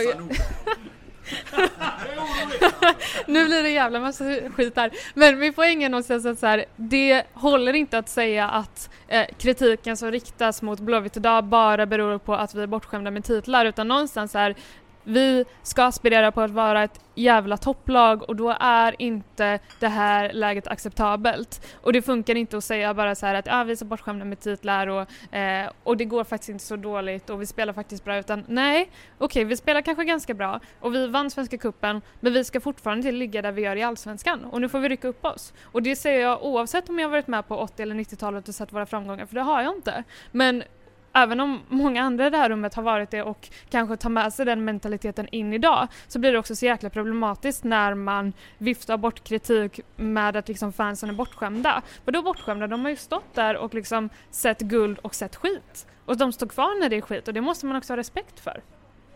De är de som står kvar. Tack. Eh, jag tar åt mig. Eh, nej, alltså man ska inte vara den som är den va. Men ibland så känner jag mig som ett Arsenal-fan.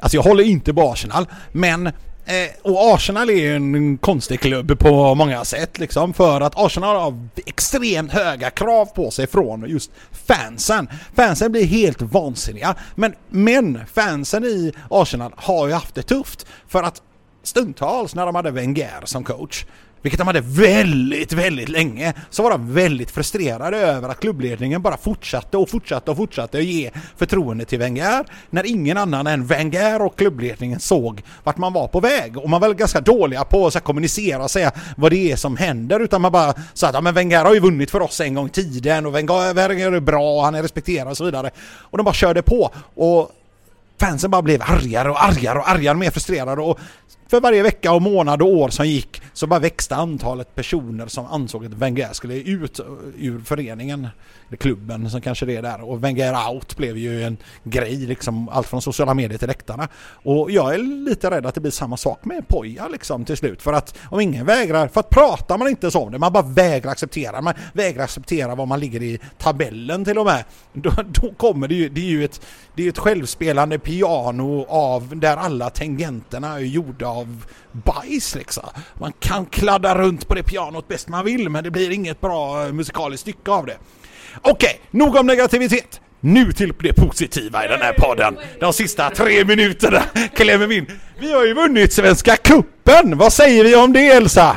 Äh, jävligt gött alltså. Man satt där, Safari ramlar, det är liksom, bollen går i mål för en gångs skull och det kändes så jävla bra. Jag åkte ner till Poseidon sen och badade eh, och det var god stämning och fan det här det här bär man ändå med sig länge, alltså det bär man med sig än idag. Ja, vi såg ju det på Bara Ben-kontot på Twitter att du var och badade i Poseidon. Så det är inte bara någonting du snackar om utan det har ju faktiskt hänt. Tony, var du och badade i Poseidon, eh, mini-Poseidon i Kungsbacka eller vad gjorde du efter cupfinalen? Jag var i Landvettersjön dagen efter. Det får väl klassas som ett bad. Men jag var givetvis jättenöjd. Absolut en fantastisk upplevelse. upplevelse. Smsade Långås. Det blev cup din jävel. Ja herregud, ja, så är det klart. Är det, är det många MFF-fans i din bekantskapskrets Daniel? Nej det är det inte. Var du glad trots det? Ja, nej, men jag var glad. Det var jag. Utveckla. Du, du har inte så mycket att säga på det ämnet eller? Nej men det var väl härligt liksom eh, med en eh, cuptitel men samtidigt så visste jag någonstans att eh, eftersom att vi har en tradition av cupvinnartränare liksom eh, Eh, så var jag ganska säker på att vi skulle ta det. Eh, det är klart att jag var glad men Alltså det är väl den här Nordalsandan då att jag är för orolig för allsvenskan för att verkligen ta in den här glädjen som det faktiskt var.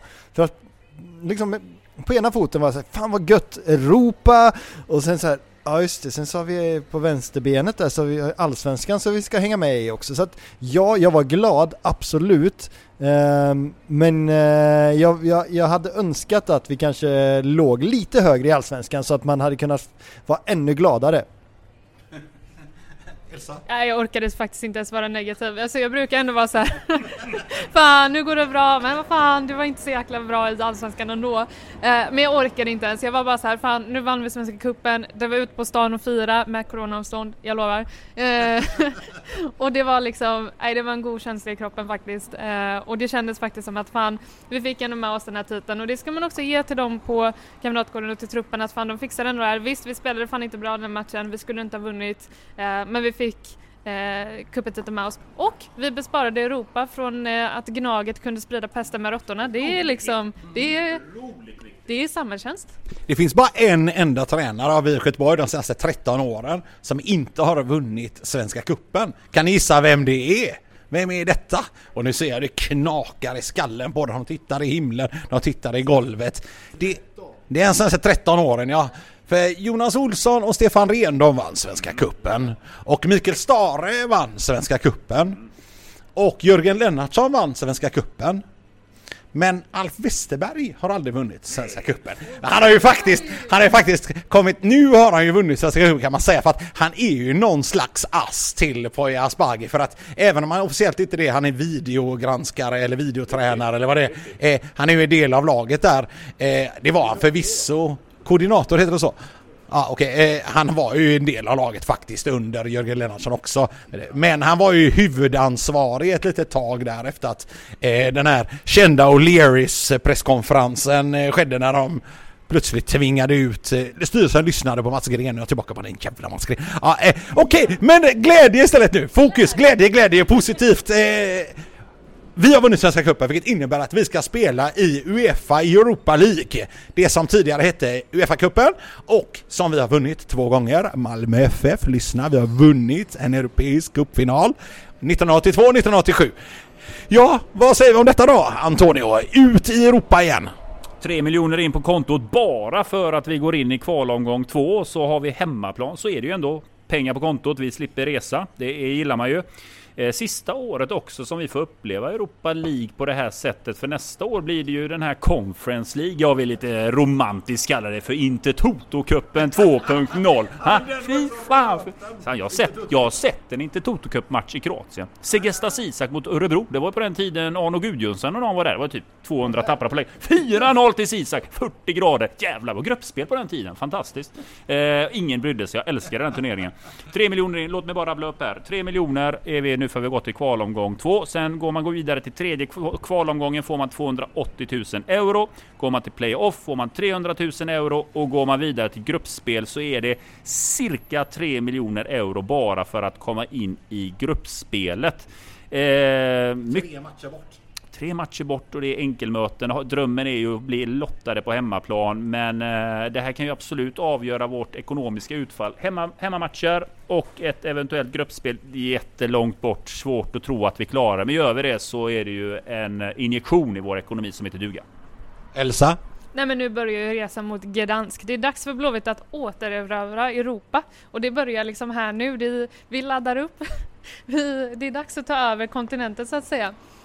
Det är kul att skämta om det, men tror du på det på riktigt då? Äh, Jag är optimist. Men jag hoppas fan att, äh, att vi tar oss en bit i alla fall. Det vore jävligt kul. Ja, där Elsa sitter i sin optimistjolle med hål i, så går vi till Daniel. Nej men nu, nu tror du att jag ska vara negativ men det tänker jag inte vara. Jag tror att eh, första kvalom, eller ja, kvalomgång två då som Blåvitt går in i. Eh, det möter man ju lag som eh, har haft en ganska stökig liksom, eh, säsongsavslutning och eh, ja, man kanske till och med måste gå in och lira kuppen eller Europacupkval på ja, men det som i vanliga fall är semester. Eh, riktigt slitna kroppar kanske. Eh, så att Men Blåvitt är ju inte sidade så att det gör ju att har vi otur så kan vi få ett väldigt duktigt lag eftersom att vi sannolikt kommer få ett lag från eh, eller sannolikt, vad säger jag? Vi kommer få ett sidat lag. Så att även om inte det är de bästa som liksom, det det är inte Tottenham och det gänget, så kan det ju vara Hajduk Split och det gänget. Om inte jag är helt felinformerad. Så att det kan ju bli ett riktigt duktigt lag med. Jo men jag tror också att eh, Alltså vissa spelare skulle kunna växla upp ganska ordentligt och göra liksom en, ja, men om man då tänker liksom en VM 94 parallell på något vis. Alltså att man, eh, att alla toppresterar just det tillfället bara för att allt annat är så dåligt just i år men här eh, i kuppspelet så bara vaknar man och jag vet inte, spelar ut eller spelar utan press eller bara överpresterar. Jag vet inte. Jag, jag, jag har en god magkänsla faktiskt inför det här Europaäventyret. Kommer inte också, vi såg ju här att eh, Hammarby och... Förlåt, vi måste bara nämna en annan sak. Det är att under den här sändningens eh, gång så har ju faktiskt Pontus Dahlberg blivit klar för AIK. Eh, häcken, Häcken, AIK. Ah, nej, så, så kul ska vi ta det. ja, det är en riktig groda. Eller en liten geting från hissingen snarare. Eh, det, det måste vi nämna, så att, och det var ju redan avhandlat men vi kan inte glömma att säga det i alla fall. Så att eh, det som vi pratade om i första halvlek där har ju blivit bekräftat nu. Till nästa sommar. Ja, till nästa sommar. Det är lite konstigt. Det är inte bara året ut, utan till nästa sommar ett år. Eh, vilket är lite tråkigt eftersom att skulle det vara så att An- Anestis blir såld i vinter så är ju inte Pontus Dahlberg ett alternativ för Blåvitt nästa år för han är faktiskt i Häcken då. Det är ett surt men eh, that's life. Eh, vad tror vi om det här nu då? Vi hoppar direkt tillbaka efter min blunder med AIK och Pontus där. Så, så går vi tillbaka till Uefa-cupen som jag tänker att kalla den, även när den kallas för Conference League eller whatever League i framtiden. Ja, precis. Eh, vi har tre matcher. Hemmamatch kontra bortamatch. Det spelar ju inte så stor roll eh, utifrån publikens sätt eftersom att det finns ingen publik. Det är ju bestämt nu att eh, Uefa har ju bestämt att det blir ingen publik i de här matcherna. Men det blir intressant mer att i ett tätt matchande så är det ju jobbigt att behöva åka till typ eh, Ja, ja, eller Grekland också eller whatever. Eller åka iväg i flera dagar mitt uppe i allt och så vidare. Leva med munskydd. Ja precis, eh, tvingas på munskydd och annat tufft. Eh, coronarisker och annat. Men får man stanna hemma i Göteborg är det lite skönare liksom. Eh, för att eh, man känner ju ändå miljön och man kan sin arena, man kan sin plan. Hopp, förhoppningsvis ska man också ha jättedåligt väder som gör att det kan liksom hjälpa oss på traven mot ett turkiskt eller grekiskt eller ja, vad det nu kan vara lag. Vad, vad tror ni om det? Hemma kontra bortamatch i de här kvalmatcherna? Jag tror verkligen att eh, här kommer vi nog eh, kanske kunna se en hemmafördel just på grund av resandet i dessa tider för jag tänker att det blir kanske lite omständligare att hålla på och resa. Eh, klubbarna kanske inte kommer eh, vara lika frikostiga i antalet resdagar. Jag får för mig att alltså Blåvitt kanske gärna åker två dagar innan i vanliga fall och så tar man några hotellnätter men nu kanske man inte liksom har råd eh, att, att lägga extra hotellnätter. Nej, man ska säga att Uefa betalar någon slags peng för det där också. Att man får en respeng när man spelar i Europa. Eh, ja, om... om Nej, inte så? Du säger nej, säger du antar Har jag fel? Förr var det så, man fick någon slags peng för sitt resande. Du har helt fel och källan i det här fallet är faktiskt Max Markusson som jag stötte på på Clas Olsson i Allum där när vi skulle shoppa lite grejer till huset där. Så jag frågade honom just det att ja, men nu trillar det in lite Uefa cash. Blir det någonting extra nu? Jag tänkte först att det inte är någon publik och liknande. Så den du får i prissumman, den ska täcka omkostnader.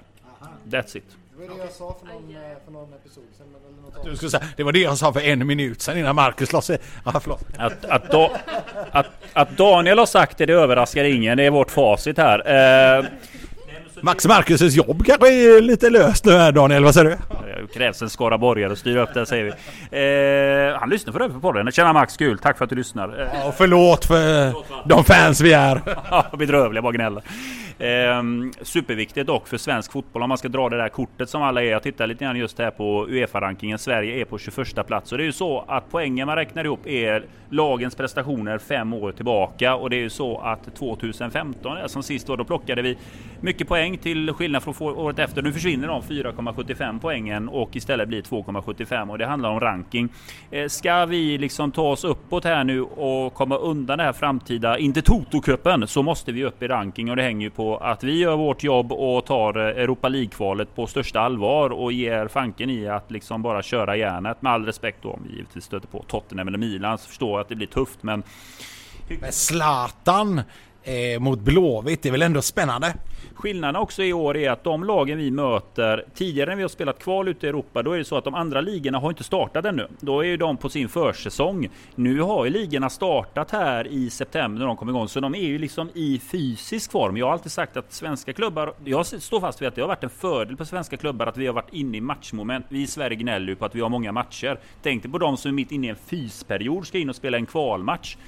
Jag tror, det, jag tror det blir tuffare för svenska lag i år att kvalificera sig in till Europa tack vare att de andra lagen är liksom redo, matchredo.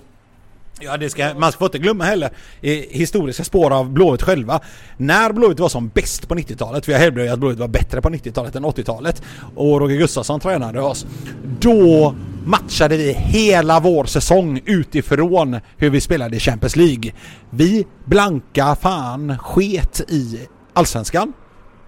Då får man ge en tumme upp till Poja här för han har satsat på kuppen snarare än Allsvenskan. Eh, I alla fall om man köper den eh, retoriken.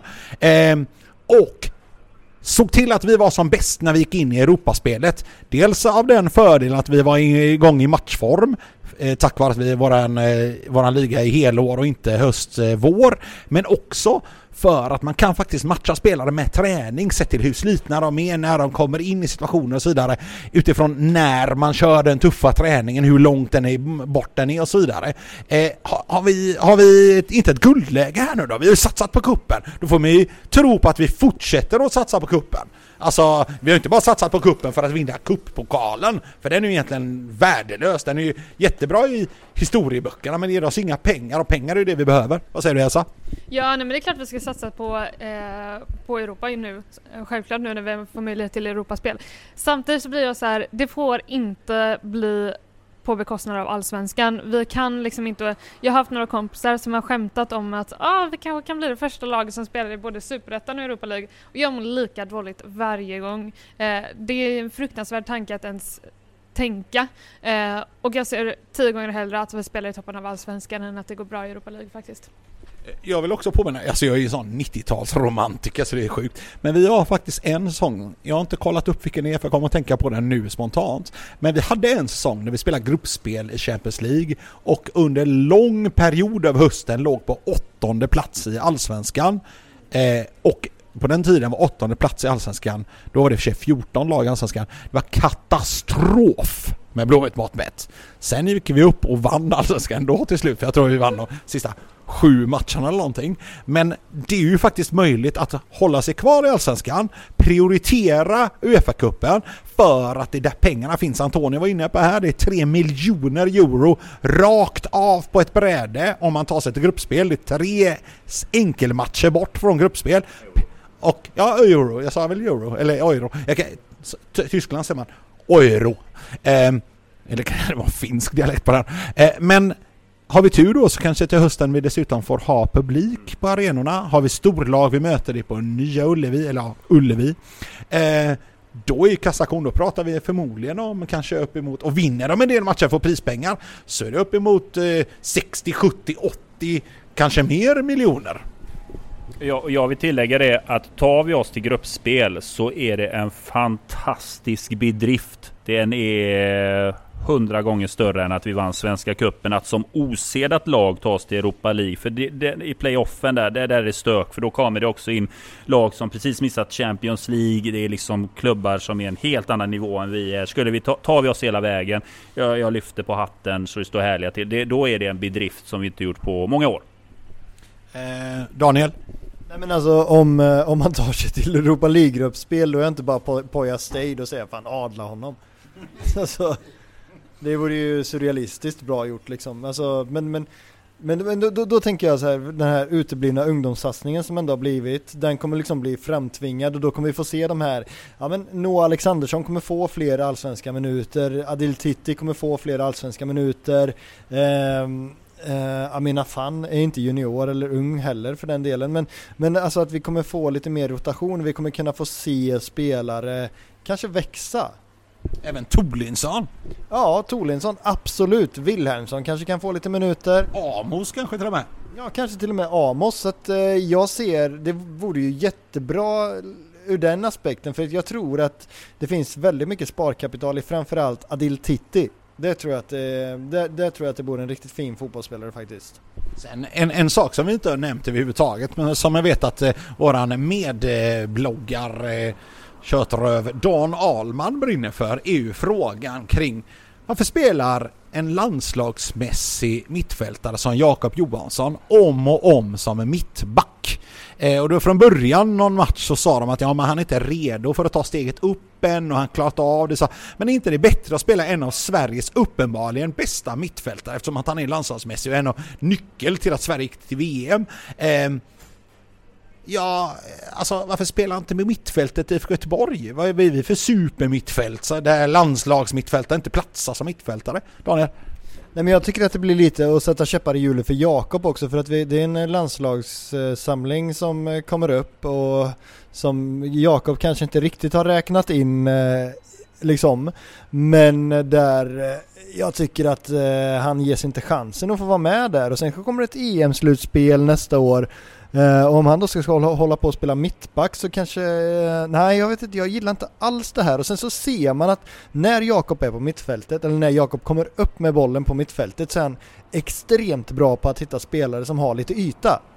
Alltså när, istället när man inte kör den här rullet utan när Jakob driver upp med bollen och är någon meter in på offensiv planhalva så är han väldigt, väldigt bra på att hitta en spelare som har ja men han har lite yta att röra sig på. Um, så att jag tycker att, eh, uh, ja, jag tycker att Jakob eh, uh, missbrukas som mittback. Jag tycker att absolut, första en, två matcherna, visst fine. Lära sig och liksom Ja men eh, komma in i det, lite koordinationen och sådär men nu tycker jag att det blir konstigt att han spelar mittback. Nu tycker jag, nej det finns inga vettiga anledningar för mig.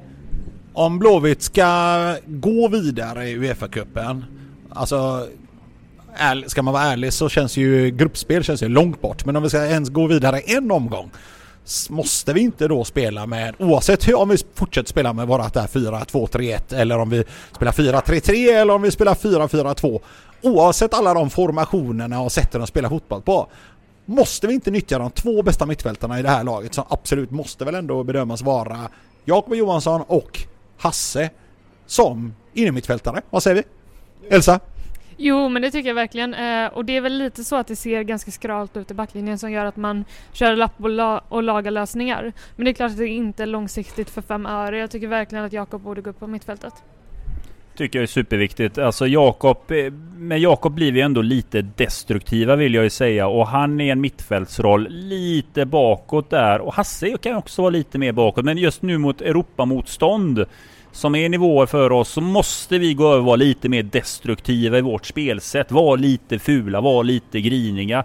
Jakob och Hasse där som städgumme. Och för all del Erlingmark. Jag tycker vi måste vara superdestruktiva här och jobbiga att möta lite grann det här att det ska göra lite ont att möta oss. Vi behöver ha det där mittfältet. Det, jag tror vi måste formera oss och inte tro att det sättet vi spelar kommer fungera lika bra mot ett lag i Europa som är en helt annan form och säkerligen har bedrivit den här typen av possession-fotboll många fler år än oss. Vi måste vara lite mer, tycker jag, tråkigt att säga, svenska där. Lite mer destruktiva. Är det inte tjänstefel? Äh, förlåt att jag kommer tillbaka till den här eviga ståndpunkten. Men är det inte tjänstefel av Pojaspaki om han går ut och spelar en offensiv 4-2-3-1 fotboll?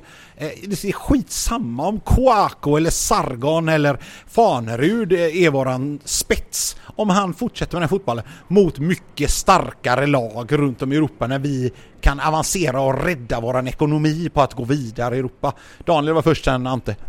Ja men processen måste läggas åt sidan eh, i Europa, så är det bara. Det, då är det, då, då, då, kan man inte hålla på med tiki-taka eller vad det nu är de sysslar med utan då är det Jakob Johansson och Hasse för att när Hasse spelar som vänsterytter var han ju någon match då tappar vi pressspelet helt och hållet så då, vi måste ha Jakob och Hasse.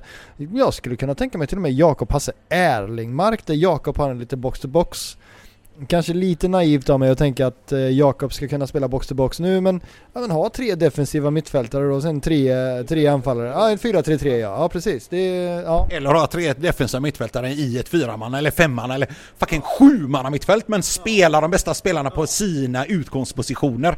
Eh, Ante? Titta lite grann här nu att om vi tänker oss Erlingmark, Hasse och Jakob här nu som defensiva mittfältare. Eh, kanon här alltså. Då får vi ett spel där vi kan ha lite destruktivt. Vi har Kouakou på toppen. Vi kan ha ett djupledsspel och så kan vi nyttja kanterna ganska vettigt med mindre risk nu. Eh, Jallov och Wernersson sticker ju på sina kanter, går väldigt högt upp. Samtidigt då så kan ju våra backar då bredda sig lite grann och täcka upp deras ytor. Vid snabba omställningar så har vi ju då samtidigt Jakob och eh, August som kan backa ner och fylla upp då mittbackspositionen och medan de springer ut lite grann på kanterna då har vi plötsligt en bra bredd i försvaret för för att våra ytterbackar inte har hunnit tillbaka. Så vi kan vara snabba i omställningarna och med KAK ha ett djupled snabbt uppåt. Paka tätt bakom kan liksom leverera de här snabba bollarna. Sen ställer jag frågan, jag har ställt det innan också, men jag, jag tycker fortfarande att eh, Georgi för mig är en intressant kandidat som en eh, renodlad eh, topp där uppe när han är i form. Elsa får sista ordet i Bara Ben-podden idag för att nu har vi dragit långt över tiden. Ja det är bra. Nej men eh, det är lite synd då att jag egentligen bara tänkte ställa en fråga till Daniel att du säger att vi bör skrota processen i Europa. Behöver vi inte skrota den även i Sverige? Ja det är frågan, kommer vi få svar på nästa gång? Nej jag skojar bara. Daniel, svara, svara. Eh, ska, ska okej okay, vi går ett varv runt bordet. Ska processen, den här satans eh, spanska, spansk-uppsalska idén skrotas? Ja, det ska den för att jag, jag vill, eh, nej det ska den inte men den ska, ja exakt. Nej men jag, men det rak fråga. Nej men nej det ska den inte för att den, den, den ska effektiviseras. Det här jävla, det här sidledstrallandet, eh, det måste bort. Det ska vara... Men inte det som är hela processen! Ja men då ska den skrotas. Ante! Jag förnyare, vi kan inte, alltså grejen är den, jag fattar att man kör den här fotbollen, men det är ett år tre. Vi har inte materialet för den här typen av spel. Nej, skrota. Elsa, nu får du svara på din egen fråga. Ska processen skrotas, pausas eller ja, göras vad då med? Alltså det är jäkligt synd att man eh, får svara på sin egna fråga här men nu, jag vill återgå till det som ni har sagt att effektivisera. Alltså du svarar en fråga med en fråga? Nej, nej, nej, det kommer jag inte göra. Alltså effektivisera och att någonstans eh, förbättra processen brukar alltid vara ett ord för att man vill göra någonting helt annat eller avskaffa. Eh, ja.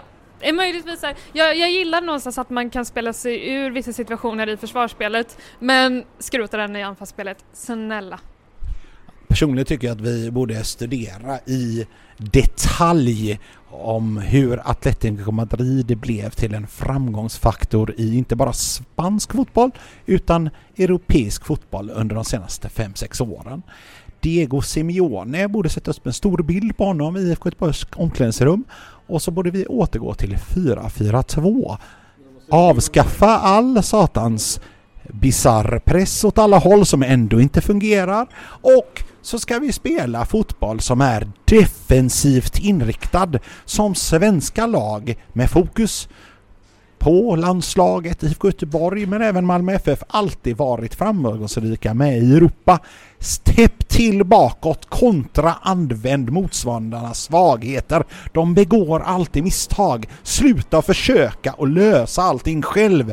Utnyttja motståndarnas misstag.